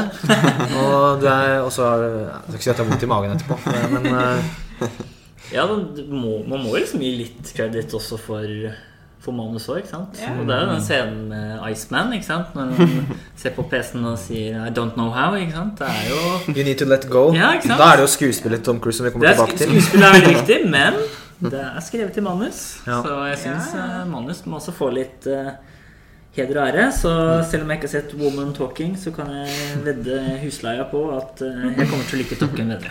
Så jeg heier Ja, den. Og så vil jeg bare nevne at det er jo morsomt med liksom Glass Onion, Knives Out Mystery. Uh, den var kanskje ikke like kul som eneren, men jeg er veldig svak for litt eh, Jeg er svak for sånne who done it-filmer. det er alltid litt sånn morsomt med sånne twists and Ja, jeg har ikke sett den. Så Nei, jeg vet det ikke. er så jævlig lang. Det er jo veldig Også en sånn 2.20-film. da. Det er jo sånn Det er så mye av de der. Det er derfor jeg, mange av de jeg ikke har sett. Fordi det er så sykt lange, og da blir det sånn eh, Ta inn og se Hadde smelt. Gudfaren 2. Hadde smelt den på i kveld hvis den var 1,45, men kommer antageligvis aldri til å se den. Som er en synd, da. Ja, som du ikke rakk det før nå, ja. Mm. Ja. Sant. Ok, da går vi til eh, originalmanus. Ja. Banshees of Inisherin, Everything Everywhere All At Once, Fablemans, Tar og Triangle of Sadness eh, melder sin ankomst her. Og Everything Everywhere er favoritt. Eh, og den er nesten det, nesten alt det resterende. Eh, her har jeg ikke lest noe om noe nummer to, så jeg vet ikke. Mulig det er åpent, men Kanskje mulig det ikke. Det er Ja, Det er jo veldig manusdrevet, i hvert fall. Og den er veldig Jeg satte veldig pris på historien i Banshees. Den er jo veldig merkelig. Og det er veldig sånn, Du sitter jo og tenker sånn Hæ, hva, hva er egentlig dette? Mm. Men så, men så funker det så bra, syns jeg, da. Da jeg skulle ønske Aftersun var inkludert. Det hadde vært Ja. koselig. det, det hadde vært uh... Og Decision to Live. Og Decision to ja. Ekstremt komplisert og velgjort manus. Mm. Og så kanskje Nope igjen. Ja, Den kunne vært det. for all del. Ja, det er mange Kunne, altså, kunne lurt seg inn. men jeg syns jo Nå er det flere her som ikke liker den så godt, da, men jeg syns jo 'Everything Everywhere All at Once' jeg, jeg likte den godt. Og det er jo et virkelig puslespill av et manus. Mm. Uh, og det er jo fyrverkeri av en film. Uh, og jeg syns det er morsomt at den er nominert til så mye, for det er en Det er jo virkelig ikke det vi ville kalt en typisk Oscar-film for ti år siden. Nei, det har blitt det nå, på en måte. Ja. Mm. uh, og jeg syns jo manuset er Jeg synes jo Man må jo applaudere at de har fått til dette her, og at det ikke er basert på noen ting. For all del. Jeg tror kanskje Banshees er min favoritt her. Ja. Jeg tenker det Muligens. samme, egentlig. Totalt sett, Fordi- eller på manusfronten? Eh, på manus. Eh, for jeg likte Fablemans litt bedre, men akkurat på manus så tror jeg kanskje Banshees. For den føler jeg er veldig skuespiller- og Jon Fosse, som vi manusdrevet. snakka om, eh, Ja. Hedvig. Eh, at liksom eh, Jeg vet ikke hva jeg skal si på en måte hvordan en liksom får fram dette som er et litt interessant tematikk. da Hvordan man liksom slår opp eh, med en venn. Ja. Og her er det på en måte ekstremversjon fordi det er gamle dager, og de bor sammen på en liten forplåstøy da Mm. eh, Så det er kanskje noe av det den gjør, gjør best. Mye dialog mellom karakterene. Og den er, den er, det er en kul film. Men ja, vi har snakka litt om at eh, det er en eh, for de som Hvis noen ikke har sett den, og kanskje vil ha en sammenligning Hvis det er noen som har lest mye Jon Fosse, så føles det som å se liksom en Jon Fosse-fortelling satt i et litt sånn gammeldags irsk miljø. Ja. Selv om ikke det er så mye avkutta fingre som blir kasta rundt, så eh, bortsett fra det, så er det helt akkurat sånn. Ja. Har han esler i Jon Fosse? Jeg har ikke lest alle Jon Fosse, men eh, Det er som regel eh, litt sånn introverte gubber som bor ute på landsbygda og sier rare ting til hverandre. ja. Ja, det passer bra. Ja, for den har jo egentlig fått litt kritikk for å være liksom gubbete, men Ja, Jeg og syns jeg jo- syns litt det. Ja, for jeg syns jo egentlig ikke det. Fordi jeg syns den har ganske universell og humanistisk tematikk. da Så det er mer sånn Settingen, ja, det er gamle gubber, men det er ikke sånn at de bare sitter der og prater om øl og fotball og damer. Den er jo faktisk mer interessant De snakker om følelser. historiemessig. Ja. Ja, jeg føler den er litt sånn Litt ut at den har blitt sånn så slaktet. Jeg har hørt mange er veldig sånn «Ah, det er Bare gamle gubber, og det er ikke noe interessant. Så jeg synes det er litt ikke så gamle, da. Eller han Han er vel i 60-årene. Jo, men ikke Colin Farrell. Nei. Han regnes som en gubbe, for han er sikkert snart 50. Så Første hvit mann som pusher 50. det er det, det, er ikke det generasjon Z liker, vet du. Jeg er veldig enig med deg, Pål. Jeg, jeg, jeg tror jeg bare ikke er så fan av han eh, Av han eh, Hva heter? Martin McDonagh sin Jeg syns han har den der litt sånn rappkjefta stilen som også man har ser i Billboards. Eh, Den her er for så vidt litt mer dempa, men jeg syns han har en litt sånn Noen ganger syns jeg de prater litt rart til hverandre og Jeg det syns er, det er litt sånn av sjarmen, men jeg syns ikke det funka i Billboards. Men det funker jo veldig um, in Bruges. Ja, den, Den er, den er morsom. Den regnes jo som, vel som hans beste. Tror jeg. Ja. Men hva syns dere om eh. Eller vi kommer tilbake til forresten, for det kommer ned. Jeg kan ta etterpå. Kan holde oss til screenplay. Nå holdt jeg på å begynne å prate om andre ting om den filmen, men for all del. Det er flere filmer jeg ikke har gått inn på, men Fablemans kanskje ikke interessant nok, på en måte. Gjør jobben sin, Gjør men jobben. ikke, Ja. ikke er ikke det er ikke det du tenker på. Nei, Litt er- sånn rar nominasjon igjen. Ja. Jeg jo Bytte den med foto, liksom. Ja.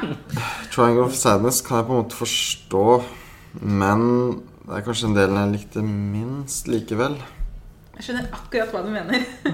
Forstår at den er der, for det er en veldig manusfilm. Mm. Og jeg, likte den, jeg tror jeg likte den bedre enn de fleste rundt bordet, men samtidig så er det noen deler som blir jævlig on the nose. Eh, Spesielt på det politiske plan. Og at da, da var det litt sånn litt for enkelt. Det føles jo litt som at noen Det var vel Hedvig du sa vel det i stad, at eh, det føles som litt som en en måte amerikansk parodi på Østlund, eller Østlund for et internasjonalt Ja, publikum, da. fordi det er jo veldig satire Det er jo 100% satirefilm, men det er satire laget for amerikanere, føles det Ja. som. Som har, må ha det litt mer banka inn. Ja, det, er liksom, det skal ikke være i tvil om at dette er satire. Ja. Det- Jeg syns den blir morsomst eh, i del to, når de forlater Ja. båten. Jeg syns jo den er veldig morsom. Jeg liker den ganske godt. Men ja, Det er noen ting der. Noen Og dialoger så og syns sånn jeg den er er for lang, ja, synes jeg da. Særlig den Ja. introen på hotellet Ja, der introen er først, og så båten. Og så er det veldig langt på øya, selv om jeg likte øya Ja, Jeg synes beste introen introen er nesten at de kunne kutta ut. Ja. Faktisk. Ja. Kunne bare vært fra båten. Den er jo en halvtime. eller noe sånt. Selv om jeg syns det var ganske morsomt helt, helt først. I, mo I motehuset eller Ja, Du kunne hatt den, men droppa all og spisingen og hotellet. Mm. Den funka ikke helt, nei. Litt ujevn film, da. Yes.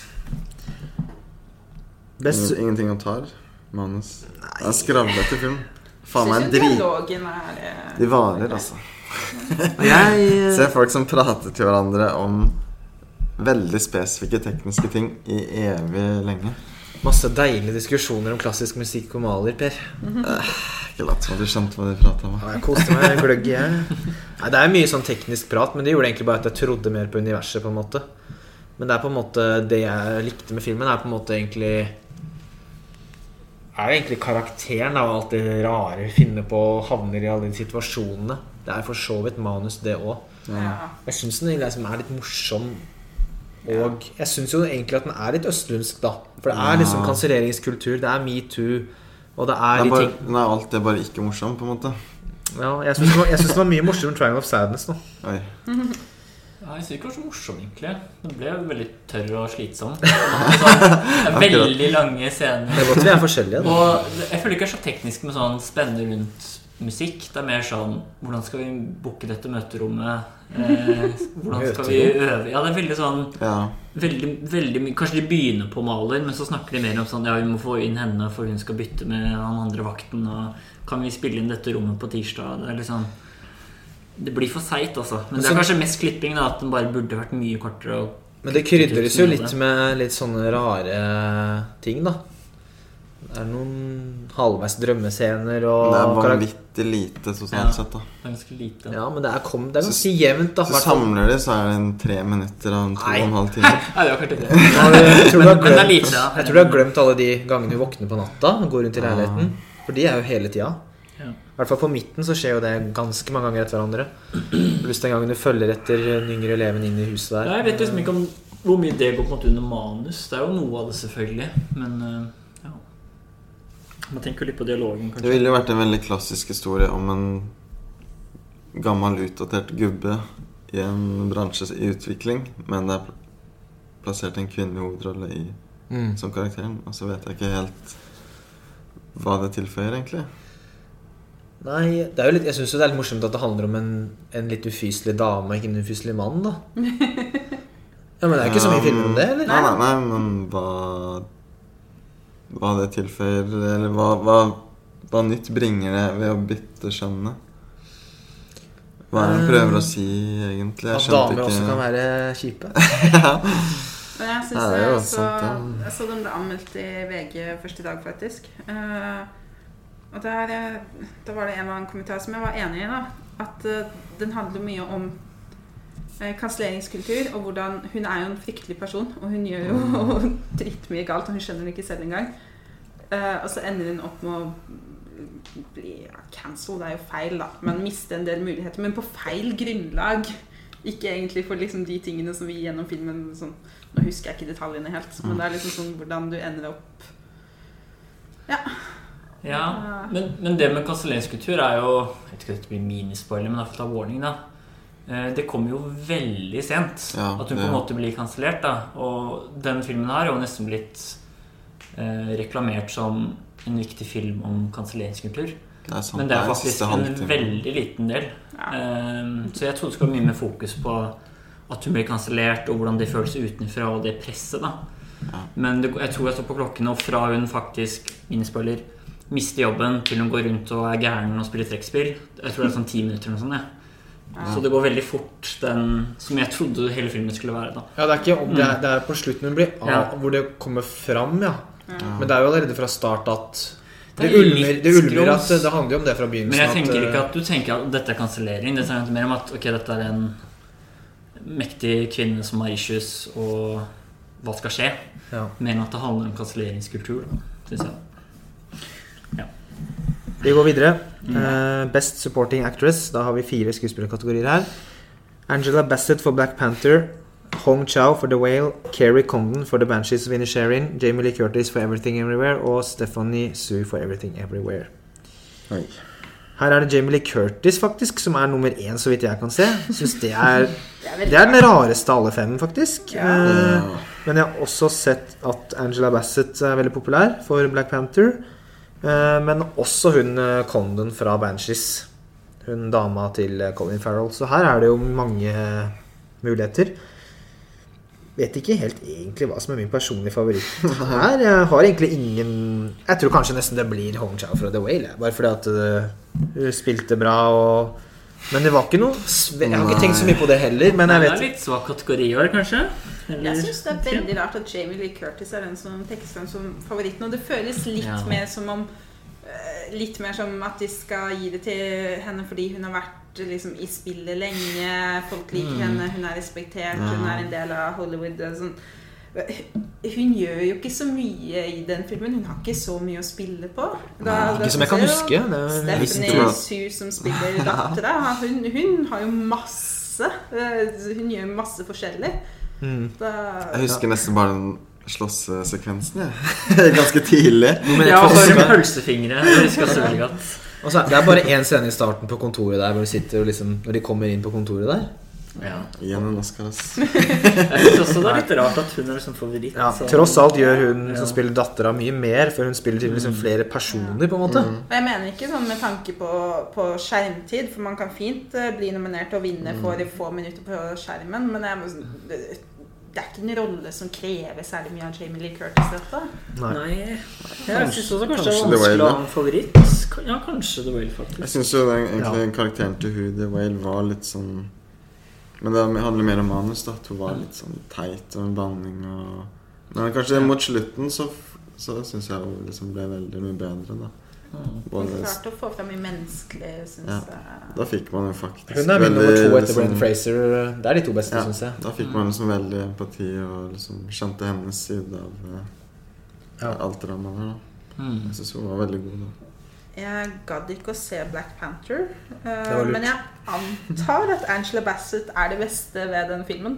Jeg, bare ved å ikke ha sett den, så antar jeg det. Jo da. For hun som fikk Tommy til sånne. Nei da, hun er, hun er den beste skuespilleren. Hadde jo ikke vært nominert hvis hun ikke var det. Eller Jimmy Lee Curtis er jo det, så hvem vet. Men uh, Nei, Hong Chow er min favoritt, men eh, Det hadde vært morsomt med Keri Condon. Og jeg liker at alle skuespillerne fra uh, Banshees er nominert. Eller sånn alle Ja, hun det er var der, flink. det er der jeg syns filmen er å, kraftig overvurdert. da Alle fire, liksom. Kom an. Ja, jeg kan skjønne de to hovedgubbene. Men hun er veldig naturlig og god i alt hun gjør i filmen. Men Ja. Jeg syns tenker ikke så alle har så god kjemi seg imellom ja. i den filmen. det er ikke noe skandale hvis hun vinner, liksom. Men eh, det var ikke det første jeg tenkte da når det kommer til god birolle. Nei, den er litt sånn Ja, Men jeg tror vet ikke. dette er en av de mest åpne kategoriene, da så det er ikke sikkert det Lee Curtis. Nei. Skal jeg gå videre? Ja. Okay. Supporting actor Brendan Gleeson for The Banshees. Brian Tyree Henry for Causeway. Judd Hirsch for The Fablemans. Barry Keegan for Banshees. Og Ki Hui Kwan for Everything Everywhere. Og Ki Hui Kwan, lille short round til Indiana Jones, han kommer til å vinne Oscar før Harrison Ford. Han ble Nei, snøbbet i Temple of Doom, men han er tilbake. Så han den tror jeg er ganske bankers, uh, virker som. Det er jo gøy, da. Sånn rent koselig. sentimentalt sett så Ja. er det gøy. Jeg vet ikke om jeg syns det nødvendigvis er Oscar-rolle, men han er jo veldig hyggelig og kul fyr, da. Så Han og Brenn Frazier blir sånn skikkelig ja, også. òg. på en måte når liksom Oscar kan være ganske politisk, da, så tenker jeg sånn, ja. Det er ikke det verste at han får den, for han er så koselig. Ja, han virker veldig koselig. Eh, Den jeg tror jeg liker best her, tror jeg nok er Brendan Gleeson fra Banshees. Tror jeg. Eh, Jeg syns Han er veldig god. Han er, han er god i Ja. filmen. Han er, For Jeg han er, alltid god. Jeg liker egentlig Barry Hva heter det? Keegan? Keegan. Ja, Keegan. Men det er litt slitsomt at han alltid spiller den samme rollen i 'Killing of the Secret Deer', uh, 'Green Night', her. Ja. Det virker som man liksom alltid skal spille en sånn ekstrem rar fyr som spiller helt annerledes enn alle de andre i filmen. Eh, Og derfor Ja. syns jeg at han er Så syns- Der jeg syns han har vært best, er der hvor han ikke er sånn, som er i Dunkirk. Som var en av de første filmene jeg så han i. Ja, synes- Der syns jeg han er kjempebra. Ja, Og så er det med en rolle i eh, en episode i Tsjernobyl. Ja, der var han også kjempebra. ja, så han er egentlig Så- flink, men jeg føler at han faktisk nå med den her har blitt litt sånn typecastet. Ja, Jeg- jeg syns kanskje at det blir litt mye at jeg blir litt sånn ah, Det er litt for mye av det her. Jeg er, også, jeg er veldig enig. Jeg syns han ikke skulle vært noe mer for denne filmen. Jeg, jeg skjønner jo at han er populær og flink, men jeg bare, det er ikke helt min smak, sånn som han spiller i filmen her. Jeg likte han mye bedre i Dunkirk. Jeg syns det funker det med litt mer The Green Knight òg, for det er så rar Ja. verden. Der funker det litt bedre, Ja, på en måte. Den lille rollen han hadde der, det var veldig liten rolle. Han var med i en scene. Men, eh, Men det er den samme typen. ja. Her har jeg faktisk sett alle filmene, Hedvig og jeg, i hvert fall. Ja. Dere har vel ikke sett Causeway? Jeg leste Castaway først og tenkte Å, ja. remake. Castaway 2. ja. Han spiller Wilson, den derre volleyballen. Det er en bitte liten A24 Apple-film med Jennifer Lawrence i Å, ja. Og han i birolle. Og han er flink, han, men Ja. filmen er ganske relativt og lackluster. Ja. Og han, han er også en sånn fyr som er alltid Han er flink, og han er ekstremt karismatisk. Som går veldig gjennom skjermen. Men eh, den filmen her, det var ikke så mye liksom, Det var ikke så mye å si om den rollen. Jeg syns han var kulere i Bullet Train. ja, det var en annen rolle. Ja, Ja. Han er vel bedre i den Beale Street òg, er det ikke det? Ja. Nei, her skulle vel uh, David Lynch Ja. være nominert. For The Fablements. Ja. Ikke, ikke bestefar. Judd Hirsch. Jeg syns Lynch var bedre enn han. Ja. ja, jeg syns det er overraskende at Judd uh, Hirsch Onkel Judd Han var ikke noe dårlig, men han var litt sånn Han er veldig lite med, da. Han er vel Ja. nesten sånn Han var fem minutter. Og Lynch har på en måte mer impact, føler jeg. Hvis du Ja. skal ha en sånn liten rolle Jeg elsker den Ja. Lynch-scenen, men jeg syns jo den er litt over det topp, og kanskje ikke Oscar-verdig, da, det må jeg si. Det er jo også Ja, dritkort, da. Ja, det er drit. Snakk om at du kunne vinne for Men få eh, minutter. han minner ekstremt om John Ford. Da. Han er, det er morsomt at Spielberg bare Lynch Og om Ford, ja. Ja. Godt sett, på en måte. Hvis det er han som henta han, da. Mm. Men eh, ja. Seth Rogen? Nei. Han gjør ikke noe galt, men Han var ikke heller faren Paul Dano. Paul Dano. Han Heller var ikke stoner igjen som Per blir sliten av, i hvert fall. Ja, Gi ham en Oscar for ikke å være irriterende for første gang. Du Nei, du, du likte det samme grei? Ja. ja. Det er nesten sånn overraskende. Men uh, Paul Dano kunne vært nominert, og han har for så vidt veldig god range i år. Fordi nå har ikke dere sett den, men vi nevnte jo i stad Batman. Han er jo The Riddler, og han er sånn skikkelig Helt sånn Og her er han så rolig far, liksom. Så han, er, han har jo Ja, hvert fall forskjellige, da. mm. Men eh, ja, nei, det er koselig at ikke uh, Week One får det. Ja, jeg blir jo veldig glad på hans vegne hvis han Ja. vinner. Men jeg, jeg blir glad hvis Brendan tar det. Mm. Ja. Hvis det er Paul Dano har så babyface, så han ser ikke ut som en firebarnsfar. Skulle, nå, nå skulle jeg sagt Fran Bredden til en annen, men den er egentlig actress først. Ja. Så ikke helt ennå. Best Actress Kate Blanchett for Tar, Ana de Armas for Blonde, Andrea Riceborough for To Leslie, Michelle Williams for The Fablemans og Michelle Yo, Yo for Everything Everywhere All At Once. Og det er eh, Michelle Yo som ligger an til å vinne. Er det ikke ganske jevnt med Camp Blanchett? Ganske jevnt med Blanchett, ja. mye og tilbake mellom Først så var det Den er ganske åpen. ja. Den er ganske åpen, men virker som Michelle Det kan, være, det kan bli begge to, men jeg husker i høst, eh, etter at Blond eh, var i Venezia, så var det veldig sånn Anna de Armas locked, liksom. Mm. Og hun er, hun er veldig flink. Det er andre ting som gjør at det trekker litt ned for meg. Jeg syns hun er veldig flink. Er Ekstrem transformasjon nå. Ja. Egentlig veldig rart at den filmen ikke er noe mer for makeup, forresten. Ja, Jeg glemte å si i stad. Biografier er jo alltid favoritter, nesten, føler jeg. Ja, og det- men det er jo litt det det er, da. Eller ikke, ikke sånn tradisjonelt, men Ja, men det jeg mener, den transformasjonen til å bli en eh, ja. får du alltid en Oscar for. Ja, sånn. Jeg kommer tilbake til det. Jeg, jeg kan jo si at i Tar og Everything Everywhere All At Once så er jo Kate Blanchett og Michelle Yeoh eh, De er like best, da. Ja. Så jeg syns det er veldig fortjent at de er nominert. Og jeg syns kanskje det er litt trist hvis Everything Everywhere All At Once vinner veldig mye, men så vinner ikke Michelle Yeoh. Ja, Siden hun er liksom den beste. Hun bærer jo filmen på sine skuldre. Så det ville være litt trist, da. Hvis hun Ja. vinner sånn fem-seks Oscar, og så vinner ikke hun. Eh, Kate Blanchett Samtidig- har jo Oscar fra før. samtidig så er Kate Blanchett det, det klart beste med Tar, da. Syns jeg. Ja. Jeg syns hun er utrolig overbevisende som eh, Hva skal man si? Mm, Kling gæren dame. Aldri Hun er sett jo- Kate Blanchett spiller spille dårlig, egentlig. Hun er vel en av de beste nålevende. Det veldig bra. Hun blir jo regna som det. Ja, Og jeg syns også Michelle Williams er veldig god i filmen. altså. ja, det er jeg enig i. Det- Jeg har sett veldig mye sånn 50-50 hva folk mener om Michelle Williams i den rollen.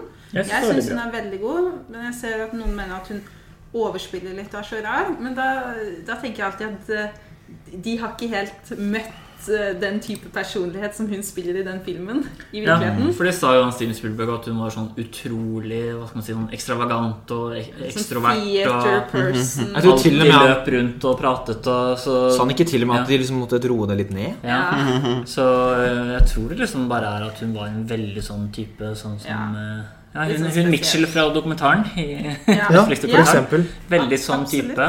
Eh, Så da, jeg tror på ingen måte har vært sånn at hun skulle være roligere, men overspilte, da. Det er det, at... det hadde ikke hun gjort. Nei, ikke? Vi har jo sett hva hun kan gjøre i Manchester by the Sea. Hun er jo ikke en som overspiller uten grunn. Mm. Så, Og jeg tror hvis hun hadde vært nominert i Support Actress, så hadde hun kanskje hatt den lokt. ja, Men hun er på en måte hovedrollen, så jeg skjønner det. dumt av filmen å, sende henne inn som Best Actress istedenfor supporting. Ja. For, for i hovedrollen er jo han Mm. som ender den Ja, ja, ja. eldste versjonen av gutten, liksom. Av Ja. lille, lille Steven. Mm. Så um, Pearl Tommy, savner du den? Jeg vet det var liksom i horrormiljøet for noen måneder tilbake. Så Hva sa hva sa du nå? Pearl. Å ja! Ja, jeg har sett uh, Jo, ja, Vi gikk jo all in, i hvert fall. ja, For all del. Det hadde vært funny om en sånn type rolle hadde vært nominert. Så vi ser jo at det er litt nye typer filmer som, som klarer å snike seg inn for hvert år nå i Oscar. De har litt gått litt vekk fra de typiske De er litt tradisjonelle på skuespillerne. Det er, Ja. det er for så vidt uh, at, en, at hun der Angela Bassett nominert for Black Panther er kanskje den største sånn Ja, endringen. Jeg vet ikke. absolutt. Og så Aftersun kunne Ja. vært en koselig nominasjon, da. Mm. Ja. Jeg føler at vi må nesten nevne den eh, nominasjonen til Andrea Rice, Riceborough. Mm. uh, to Leslie. Den har jo fått en del medieoppmerksomhet fordi hun ble nominert uh, litt sånn plutselig ut av det blå etter det mange kaller det nesten litt sånn mafiavirksomhet-greier Ja, de siste ukene før nominasjonene. Litt veldig sånn Ja. mange mektige personer innenfor Hollywood som plutselig begynte å snakke om denne uten at det hadde vært noe, noe kampanjer før. Eh, og, og så funka det. Hun ble nominert, og så mange mener at det pusha ut uh, noen andre skuespillere. Ja, som sånn som Viola. Davis for uh, The Woman King. Men Mm. Mange mener det er en snubb her. Den har jeg ikke sett, så jeg kan okay. ikke si noe om det. Mm. Men det har jo ført til litt Det har jo til og med ført til en sånn gransking om var det, viktig, var det riktig måten hun ble nominert på. Liksom, Mm. ja. Ja, det var det at nok folk eventuelt ikke hadde kunnet ha sett den. Mm. Så de mente at folk kanskje har no nominert den uten å sette den. da Ja, Sånne fordi en del viktige stemmer i Hollywood har sagt Mm. at den må nomineres. Ja. Og så er det jo selvfølgelig Ana de Armas i en film som har vært ganske kontroversiell, men der de fleste jo er enige om at Ana de Armas er den beste i Blond. Ja. ja. Selv om det er ganske sånn enspora, men hun kjører Ja. ganske hardt, da. Hun, hun får jo på en måte en hovedting å gjøre, og det er å virkelig være torturert gjennom filmen. Hun er virkelig Marilyn Monroe. Det var ikke noe problem med aksenten heller. Hun er jo faktisk Hun, hun er jo 0 amerikansk, på en måte. Hun er jo Hun er jo fra Cuba. cuban-spansk. Jeg ser at noen mener at de har reagert. Jeg har ikke klart å Jeg synes hun var flink. Ja, jeg leste jo at de til og med har liksom gjort noe sånn digital greier på stemmen etterpå. Og, men hun i tillegg har jo sikkert liksom, Har jo på en måte sikkert snakka så bra som hun fikk til også. Det er Jeg reagerer litt på at gjennom hele filmen så snakker jo Marilyn Monroe med den der scenestemmen sin som, Mhm. eh, som hun ikke brukte på ekte. Ja. Daddy, daddy, Men det, det, det 40, 40 tviler jeg er Anas valg. Det er jo Ja. et regissørvalg. Og jeg likte ikke filmen så godt, dessverre. Men Ana var eh, kjempeflink. Da nærmer vi oss slutten i denne maratonet her. Best actor in a leading role. Austin Butler for Elvis. Colin Farrell for The Banshees. Brennan Fraser for The Whale. Paul Mescal for Aftersun og Bill Nighy for Living. Her er det faktisk vært veldig opp og ned på bookmakerne. Det starta jo veldig, var veldig mye prat om Brennan Fraser i høst, og så var det veldig veldig mye prat om Colin Farrell. Mens nå ser det ut som det er Austin Butler for Elvis som er først, da. Men eh, det kan sikkert bli hvem som helst av de tre. Og jeg eh, og med Mescal for After Sun, veldig fin rolle. Forventa ikke at den skulle bli nominert, men den er vel veldig usannsynlig. Men min favoritt er nok uavhengig av det, så er det The Whale, Brennan Frazier. Ja. Fraser, som jeg fant ut som jeg fant ut at man skulle si. Ikke Frazier, men Fraser. Så det er min favoritt, da. Jeg tenker det samme. Selv om den er litt sånn overdrevet og teatralsk, så er den veldig Veldig god. da veldig Både morsom og empatisk og trist. Og det er liksom så mye på en gang. Og man blir veldig glad i han selv om han er en sånn taper med to streker under.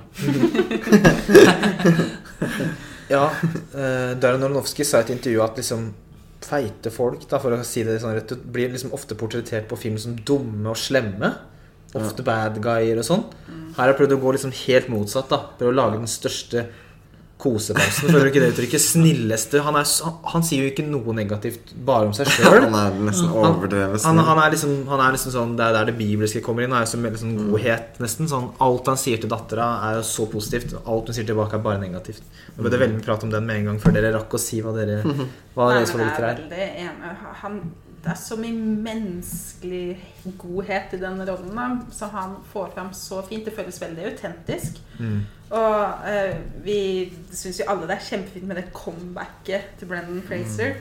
Eh, men samtidig, veldig raskt da den filmen starta, så glemte jeg å tenke på Brendan Fraser som skuespiller. Jeg tenkte bare på karakteren Ja. Charlie gjennom hele filmen. Vi har ikke sett han så mye det siste året heller, vet du, så man har på en måte ikke så mye referanser. Man sitter ikke og tenker på The Mummy når man ser The Whale. Ja, og jeg elsker The Mummy. Ja, du er jo drite Mummy-fan. Ja, ja, Men uh, er veldig fin i hvert fall.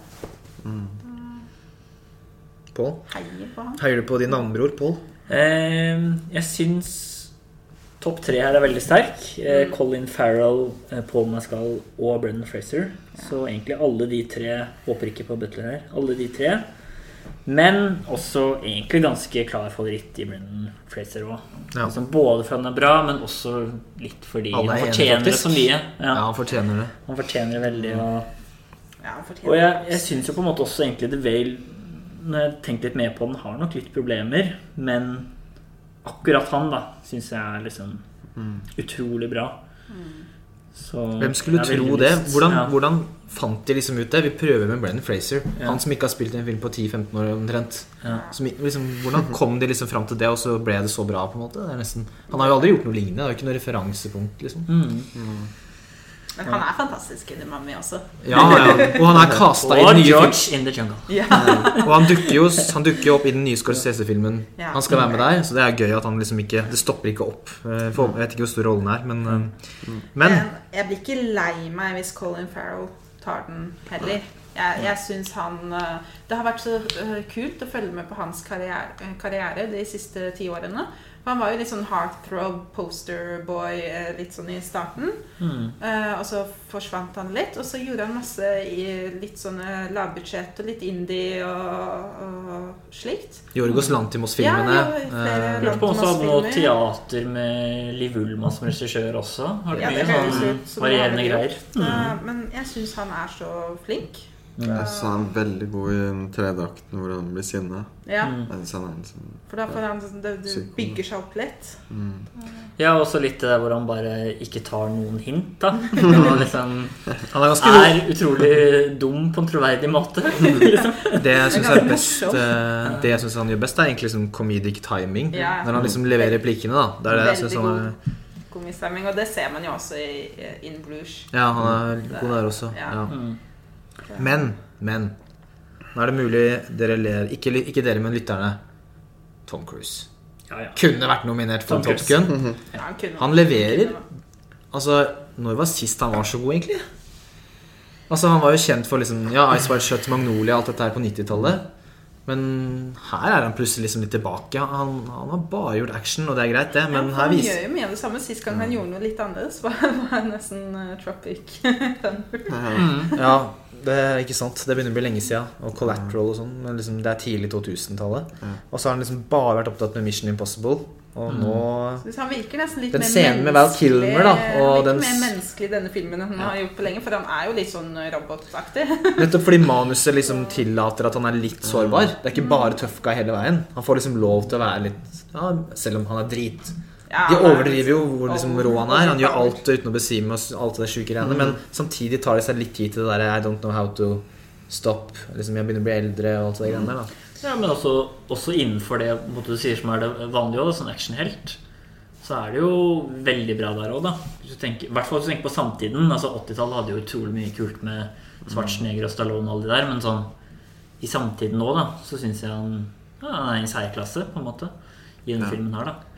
Og det tenker jeg at det kunne fint fortjent en nominasjon, da. Føler han er liksom den Akkurat nå så er han den siste liksom, store filmstjernen. Da. Mange sier om det om DiCaprio, men han har gjort noen svake filmer liksom, de siste åra, føler jeg. Don't Look Up kanskje særlig, da. At han liksom ikke lenger kanskje Tom Cruise er litt sånn Jeg tipper den nye Mission Impossible kommer til å gjøre et veldig bra nettopp pga. Top Gun. da Jeg tror man man kommer til å Skal sies at han var jo med i den der, det nye The Mummy. Ja. Eh, Ja, det var, en eh, ja. Så jeg mener akkurat nå, på en Ja. måte Akkurat per 2023 så er det han som er nummer én på stjernestatus. da Absolutt. For fem år siden var det kanskje DiCaprio, på en måte men nå føler jeg han har liksom tatt igjen litt plassen. da Han kunne vært der. Og så kan jeg også si shout-out til eh, eh, Kang Ho Song i Broker. Ja. Syns jeg også var eh, utrolig god. Ja, Får spilt på veldig mye. Det er en veldig sånn eh, trist og humanistisk film da i kjent eh, Coreda-stil. Eh, og jeg syns han eh, spiller den veldig bra. da Så Det er jo ikke så naturlig når den på en måte ikke er nominert til noen ting, men hvis den liksom hadde vært på Akademi sin radar, da, Ja. så tenker jeg at han kunne fint fått en nominasjon, da. Han eh, spilte veldig bra. Hvorfor har jeg sett den? Hva syns dere om han som er frontrunner akkurat, akkurat nå, da? Austin Butler? Jeg syns jo han er god, men det er litt som jeg nevnte i stad, her men når du spiller en kjent personlighet, så handler det veldig mye om etterligning. Ja, det er Og det. ikke så mye annet. Han gjør ikke noe feil, men det er ikke så interessant. Han bare ligner Elvis. Ja. Altså, jeg opplevde jo nesten at Tom Hanks var hovedperson, og han var helt grusom. jeg ble overraska at det er han som har Han har hatt dårlige roller de siste åra. Ja, Han surrer. for han er egentlig likt i veldig mye. Så er det Ja, sånn trist hva han driver med nå, syns jeg. Mm. Han surrer litt, altså. Nei, han er vel med i den Pinocchio, den andre Pinocchio. Ja, så men ingen, som, ingen som har sett den. Den derre remaken, en mann som Ja, med navn Od Ja, Odne. Det ser dårlig ut. Man called Otto. Faen er det Ja. for noe? Men jeg, jeg er Sur- helt enig med, med Per. Da, at eh, liksom, de der biopic, biopics, særlig de musikkbiopicene, blir veldig sånn uh, imitasjonsspill. Da. Eh, og eh, Rami Malek da han vant for noen år siden Jeg syns Austin Butler var bedre enn Rami ja, Malek. Og Malek vant jo, og det syns jeg han burde. Men jeg syns fortsatt ingenting måler helt opp til uh, Tara, Hva heter han? Taron Edgerton. Edgerton i eh, Rocketman, som gjør noe litt annet. Der er, det ikke, der er det ikke bare den etterligningen. Der er det noe mer kreativt inni bildet. Mm. Så jeg blir ganske skuffa hvis Austin Butler tar den, selv om han er på ingen måte dårlig. Men eh, Ja, det er litt sånn Jeg har liksom de andre så mye foran, da. Så det er litt sånn derre Ah, Når det er så sterk eh, kategori, da, mm. så vil du jo liksom at de beste skal vinne, da. Og Paul Mescal har så Kjempegod. mye varme i den filmen som har eh, I en så liten film som han gjør så mye med. Mm. Jeg håper virkelig vi ser en uh, Brenn Frazier i fatsuit og Som kriper kryper opp, kryper opp på scenen. Kommer i Rullestol, så han glad når han får. Ja. Det helt Nei. Det er virkelig hans det, det, er altså, det, er veldig, det er veldig sannsynlig at Brenn Frazier aldri blir nominert igjen. Ja. Jeg føler en film i seg selv, det er comebacket. At det blir en film om 30 år. Ja, omtrent. Ja. Frazier som Ja. liksom Og så En ting jeg ikke nevnte, det er jo faktisk at han ikke bare er trist, men at han også har sånn fysisk skuespill. da Tenkte Ja, litt på. Leonardo DiCaprio og Revenant, hvor han eh, bruker så mye krefter og intensitet. Alt fra bare det å komme seg opp på sofaen til veldig troverdig sånn hjerteinfarkt, og han sliter med å puste, og til en scene hvor han halsen og muncher så sykt mye mat så fort. Eh, og, og til og med i en så trist film. Litt, litt komikk òg. Det kan hende bare fordi jeg og Per ler litt av sånne ting. Det er litt humor. Men det er sånn når han bare akkurat har hatt det mest liksom, alvorlige hjerteinfarktet og, og liksom så vidt overlevd, så gjør han liksom, liksom som en sånn der, til en hund sånn for å liksom få en sånn gigantisk family pack med chicken nuggets. Så sitter bare og gomler det etterpå. Du må liksom humre litt, altså. tidenes mest fysiske rolle i en sofa. Ja. Ja. Til å sitte stille, så er det mye ja. Men første gangen han reiser seg opp og går nedover gangen der, så er det sånn Å, fy, han er svær, ass. Jeg kunne faktisk ikke tro det. det ser, måten jeg filma det, så så det ut som han var sånn 2,10. Han så Han så jævlig- på ekte, for han så drithøy ut. Når han reiser seg opp første gangen, så bare Å, fy flate. Jeg har gjort noe med høyden. han er litt høy, i hvert fall. Jeg tror han er sånn nesten 90. Men eh, Det så ut som han var 2,10. ja, ja, det er han ikke. Dritsvær.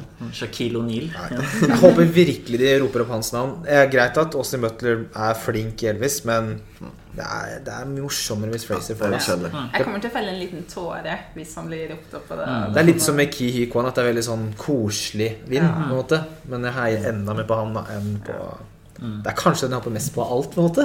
Egentlig, hele kvelden han som sånn dobbeltdekker pizzastykke Ja. hvis han vinner. Ok, ja, vi har holdt på lenge. Kanskje vi skal gå til eh, de to siste store kategoriene, da. De to siste. Beste regissør, som er Todd Field for Tar. The Daniels, eller Daniel Kwan og Daniel Scheinert for Everything Everywhere All At Once. Martin McDonough for The Banshees. Ruben Østlund for Triangle of Sadness. Og Steven Spielberg for The Fablements. Og det er uh, The Daniels for Everything Everywhere som er forventa vinner her. Det er ikke så van vanskeligste jobben, på en måte. Det er mye som skal skje å holde, Ja, holde styr på. Men eh, ja. Jeg er kanskje jeg litt det. ja, jeg jeg er kanskje litt for tradisjon, tradisjonell, eller tradi... Når jeg tenker at Spielberg Men det er rett og slett bare fordi at det er den filmen jeg liker best her, tror jeg. Det er jo en veldig teknisk film, da. Med mye som skal gå, gå riktig, holdt jeg på å si. Ja. Sånn sett, da. Så jeg skjønner at han er nominert. Mm. Jeg syns jo det er en relativt uh, sterk lineup. Uh, Jeg syns James Cameron mangler, men det er kanskje ikke alle James enig i. Nei, jeg syns jo det. Oppriktig. Det går ikke an. Han kommer gang på gang med 10-15 år mellom hver gang og bare lager den biggest movie of all time, ass. Nå er det siste gang, men selvfølgelig Han er klipper. Park Chan-wook. Ja. Men nå har vi sagt det nok. Men uh, Uh, en 70 år gammel mann som er regissør på en så lang teknisk film. Men han er også Han er klipper, liksom. Han, har, han gjør det sjøl. Han er veldig sånn Det er det største passion projectet i historien. Det Ja. den største hobbyen i historien. Jeg har sluppet den verdens rikeste unge ned i verdens sjukeste sandkasse. Som har lagd det store Navi-slottet i sandkassa der. Men ok, han ble ikke nominert. Jeg tror kanskje jeg håper på Ruben Østlund, faktisk. At den der båtspiscenen i seg selv i 15 minuttene her er noe jeg aldri har sett før i en film. Men den filmen er vel den som er minst nominert av alle filmene her. Ja. Den har vel bare manus og dette? Eller roter jeg nå? Nå har vi nettopp gått gjennom. er det ikke beste film? Jo, jeg tror det er beste film. og, og beste film. Som er litt rart når du har så Den få. Den måtte jo ha det, for den er jo på regissør. Men øh, Nei, jeg syns The Square er så mye bedre at det syns jeg ville vært litt rart å gi dette til denne for denne Jeg likte ikke Triangle så veldig godt, men jeg, jeg kan liksom ikke bli sur når en uh, skandinavisk eh, Men uh, ja. Men jeg tror jeg heier på gamlemann uh, Spielberg. eh. Ja. Liker- De gamle er jeg eldst. Jeg liker den litt sånn Ja. der sentimentale jeg, jeg gjør det, altså, men jeg, jeg, lik, jeg likte jo eh, The Banshees of Inisherin mye bedre enn deg, tror jeg, Tommy.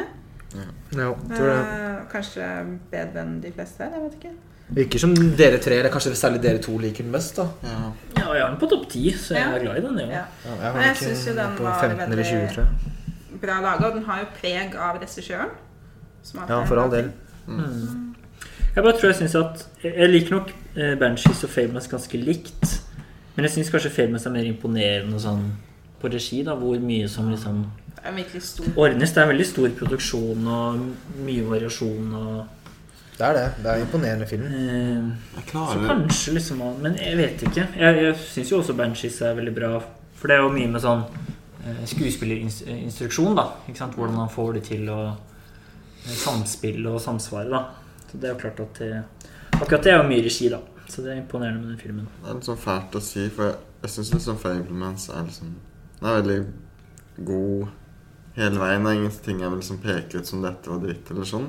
Men samtidig så er det noe med Spielberg som ikke engasjerer meg så mye lenger. Altså. Det er et eller annet dødt. Det mangler mangler det lille ekstra touchet som de liksom virkelig bry liksom eh, meg det når jo ikke opp til eh, Jurassic Park. Storhetstida er det for Jeg liker alle filmene han lager. Jeg likte alle de siste omtrent, men det er, det er, det er noe eget med den 80- og 90-tallsrekka hans. Det Ja. er liksom ingenting han lager lenger som jeg er interessert i å se flere ganger. For meg Ja. så er det sånn ja, Det var hyggelig der og da. Next. Ja, for jeg, er litt sånn, jeg har egentlig vært litt skuffet, jeg også. Sånn at jeg syns han ofte blir litt for sviskete og sentimental og sånn. Men kanskje det bare var det det handlet om i den her. Da, at jeg syns den hadde et veldig fint sånn kjærlighetsbrev til filmen og kino og filmskaping. og... Ja, for det er mye Det er det Jeg syns hvis man fikk til det veldig bra, da Hadde det kanskje bare vært familiedrama, så kanskje jeg ikke hadde likt den like godt. Men det at han liksom både har det og bruker så mye tid da til liksom teknisk at han klipper på rom og Mm. går ut og lager film. Og, ja, jeg syns det er en ganske stor sånn styrke i filmen. Jeg jeg er ganske svak på filmer om film. Ja, Det er jo litt sånn Og Han var Spielberg jo, Cinema han var jo nominert i fjor òg, for ja, beste director for West Side Story. ja. Så Jeg likte den mye bedre, det skal sies. Den her, ja. ja. Jeg likte jo den òg, jeg, da. Men, Mm. ja Men det blir nok blir The Daniels. Ja, jeg, jeg blir ikke Mm. skuffa hvis det blir The Daniels. Det er jo litt over prosjektet her. ja. Det er blant det bedre med filmen. Ja, ja. Men, uh, Og jeg likte jo denne filmen. Jeg likte den men om ti år så er det litt sånn Hvor, hvor står den filmen om ti år? Everything Everywhere? Jeg tror den vil få en sånn ja. Den er jo så stor nå at man kan ikke snakke om at Man kan ikke si ordet kultfilm, for den er for populær til det. Ja. Den er nominert til elleve Oscar. Eh, Men det kommer jo fortsatt til å ha Når den store interessen har dabba, så tror jeg den fortsatt kommer til å ha en sterk Det vi kan sammenligne med en Ja. cult following. Jeg tenker også at det er en av de som kommer til å stå igjen fordi den skiller seg ut såpass som den gjør. Ja. Jeg bare føler at De siste åra har det vært en litt trend å gi beste film og beste regissør til veldig populære filmer som i etterkant går litt ut. på en Det kommer til å holde seg jækla mye bedre enn Kolda ja, Og Green Book. Altså, Kolda men eh, glemte alle dagen etter. tenk at den vant beste film. Ja. Den er jo helt glemt nå. Det er en at det ikke er Best Picture winner, det må vel faen meg være enig i. Og Belfast vant ikke beste film, men den vant mye annet òg. Han var jo også Også nominert til ja. regissør og Jeg ble Så- oppringt av moren, moren min for en stund siden. Bare, 'Har du sett Green Book?' Det er en av de beste filmene jeg noensinne har sett. Ja. Holdt på å gå i bakken, og jeg sånn Beklager, mamma, men du hører ikke på denne podkasten. Du tar en sjanse nå. Dette, dette blir ikke klippa ut. Shout-out til Ingvild. Ok. Uh, ja. Nei, men vi har kanskje Er det noe vi savner her, da? Ja, Bortsett fra James Cameron, som vi alle fire savner.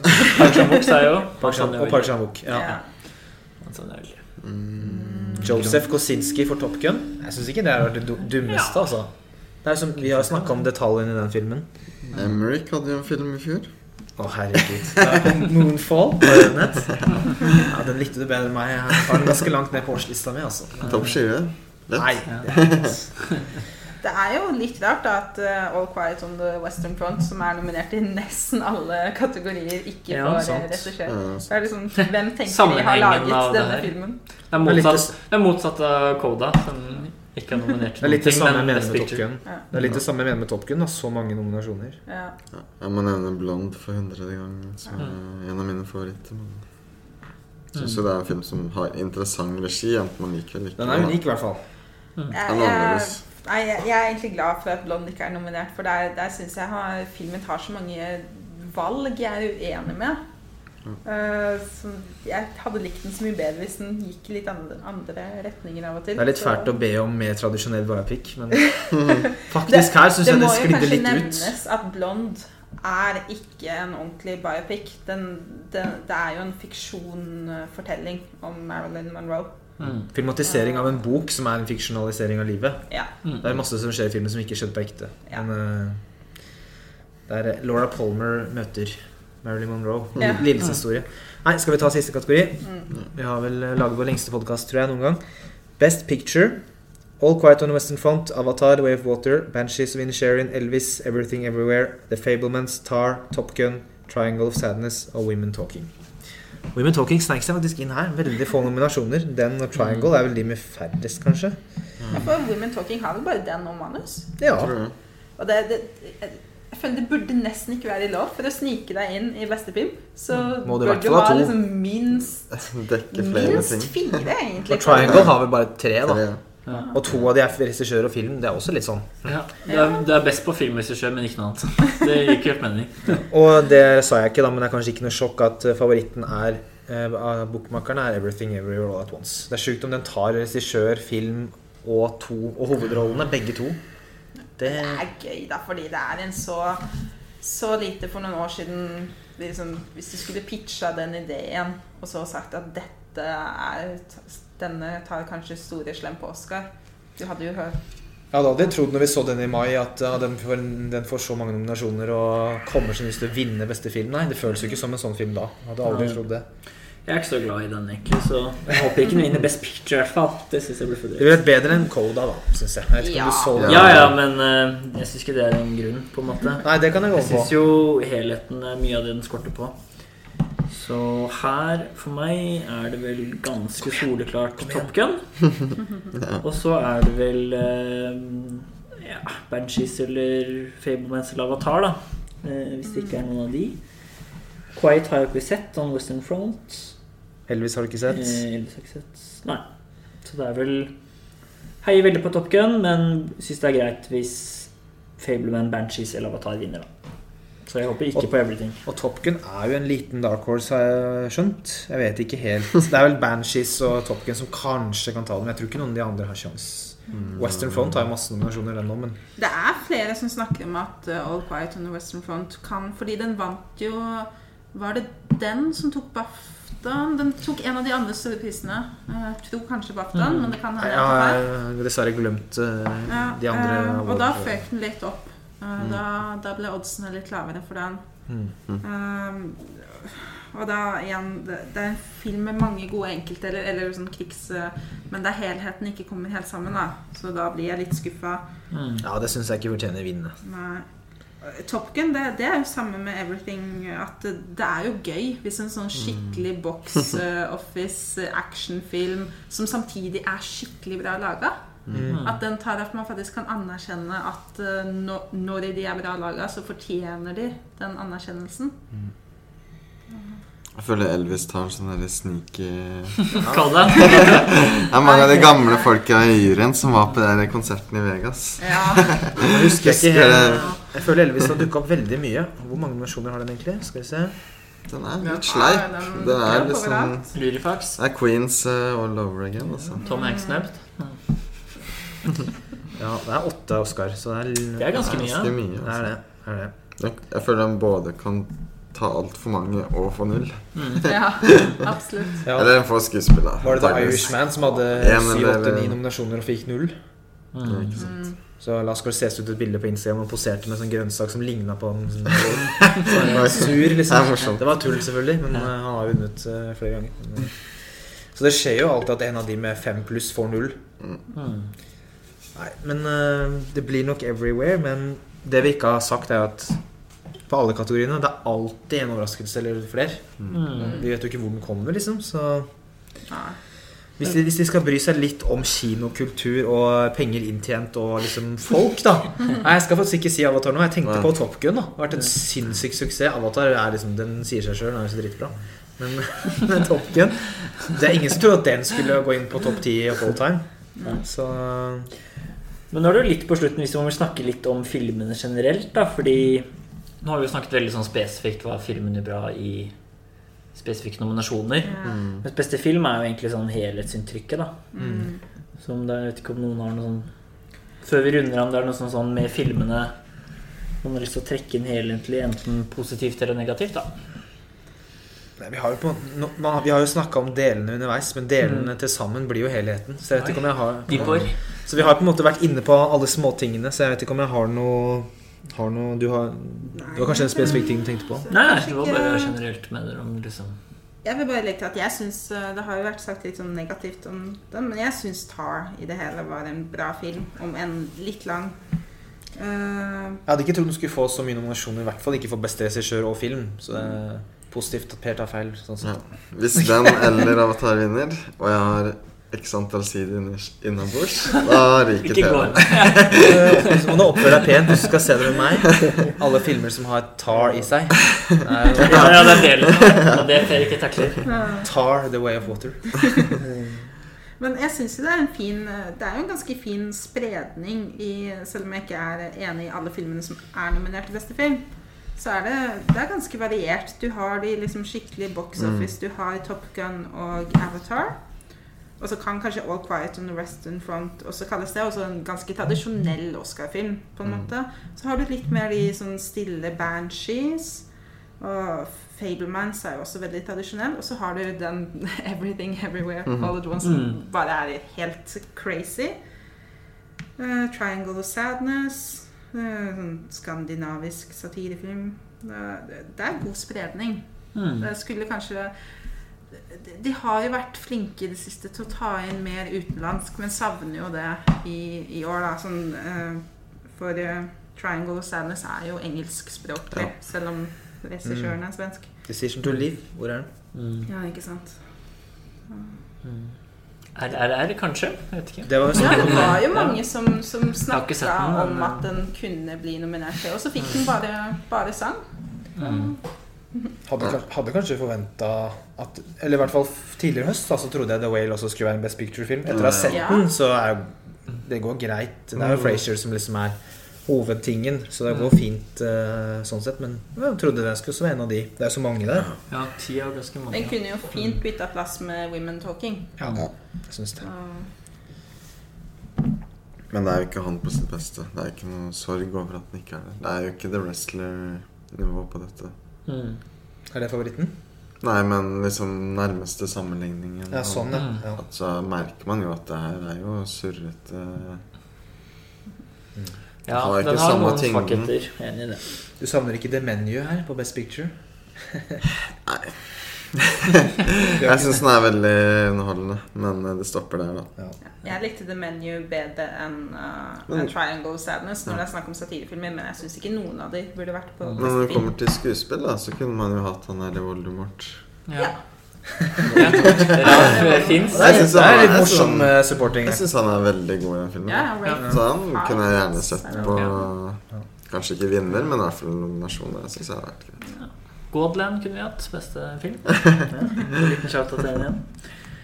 Veldig bra innledning. Ja, Black Adam skulle vært på Beste Big Picture, Henrik. Ja, det er den verste filmen jeg har sett på Den verste filmen lenge. fra i år, i fjor, ja. Mm. Ja, ikke bare i fjor, men uh, Nei, men i hvert fall det. Ja, men Det er jo litt for sent å komme nå, egentlig. Men filmen jeg glemte å nevne innenfor dokumentar, er jo Alt for Norge. Yep. Så den er min soleklare favoritt. eh, Nei, kanskje ikke nødvendigvis forhold Jeg syns kanskje det det handlet om, var bedre enn selve dokumentaren. Men uh, samtidig Innholdet er såpass sterkt at det er jo skikkelig koselig å se på. det er gøy å se på Drillo som norsk fotballinteressert. da Det Jeg er tror- jo skikkelig gøy. Jeg tror jeg nevnte internt, men de første ti minuttene var det en sånn montasje om norsk fotballhistorie, Ja, det var jo det morsomste jeg så i fjor. ja. Det Jeg syns jeg Det var sånn utrolig bra, da. ja. Både innholdet og formspråket. ja. Det er en veldig kul periode i norsk fotball. ikke noe Oscar-verdig, kanskje. Jeg tror det er mye morsommere for Norge enn utenforstående. Sånn, dette bitte lille landet her var litt god i fotball i seks år. Det er sånn Det er ikke så, det er ikke så spennende for folk utenfra, tror jeg. Den Maradona-filmen som kom for noen år siden, hadde kanskje, den var vel kanskje heller nominert. Den er sikkert mer spennende enn Maradona enn Dillo. Den. Man får sett den. Mm. Det er veldig bra. Men også er bare sånn seks Ikke seks år engang, kanskje tre-fire år periode. Ja. Se for meg at den har litt større internasjonal appell. Mm.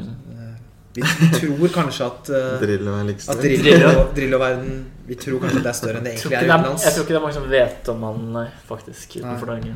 Jeg tror, tror Magnus Carlsen er litt mer kjent enn Drillo. Altså. Ja, tror jeg. Nei, men da, når vi, når vi prater om Drillo og sånn, så da er vi kanskje ferdig. Spiller på Pål? siste, siste verset. Så ikke det har noe mer å si. Lytterne, de som sitter igjen nå, de, de er kanskje lojale, men jeg føler at det er en viktig ting som må nevnes, da, hvis noen fortsatt hører på. Eh, og det er jo at årets eh, Oscar-utdeling faktisk kan ses på Disney pluss. det kan Ja. ses uten VPN og uten eh, uforståelig dansk eh, Ja. toppen. Så endelig har man et sted Det er jo ikke sikkert alle har Disney pluss, men de har jo sikkert noen sånn type free trial-greier. Ja, og det koster 40 kroner eller noe sånt i måneden. Ikke for, å, ikke for å reklamere for verdens største, verste firma. Men det er faktisk litt deilig å, å kunne ordne det uten VPN, som vi har Ja. måttet gjøre de siste årene. Mm. Jeg snakka litt med Tommy om det etter kinoen sist på The Whale. At jeg er litt stressa for at uh, Kommer de til å ha et studio utenom uh, uttellinga? Om, Ja. Selv om ikke disse kjolediskusjonene var så spennende, så var det tross alt bedre enn reklame. Ja. For det Jeg vil jo ha noen som pauser. sitter og snakker litt sånn før, før det starter, og gjennom reklamene. Ja. Jeg er ikke så stressa på det, for vi pleier vel Vi pleier vel tross alt å mute disse studioene? Eller er det bare jeg som på surrer? Hva de snakker om. Det har jo blitt litt vant til disse danskene, da. Så det er litt samme år etter år. De sender kanskje bare den vanlige amerikanske sendinga, da. Ja, jeg ser for meg det. Fordi Hvis ikke det er en Med mindre det er en Nei, det kan jo ikke være en norsk Disney-versjon. eh, Nei, det tviler jeg på. Det hadde vært veldig overraskende. Ja, De sender nok bare den vanlige sendinga som går på TV. Der For å diskutere kjole, vi, da. Ja. Red Carpet er en del av det. Eh, Ja, Det er jo det. kan jo av og til komme noe morsomt på intervjuene. Ja. Ja. Yes. Jeg er kanskje ferdig? yes. Da, da gir vi oss. Har du noen siste ord? Takk for i kveld. Ja. Takk for i kveld. Så ses vi. Ha det bra. Ha det. Ha det.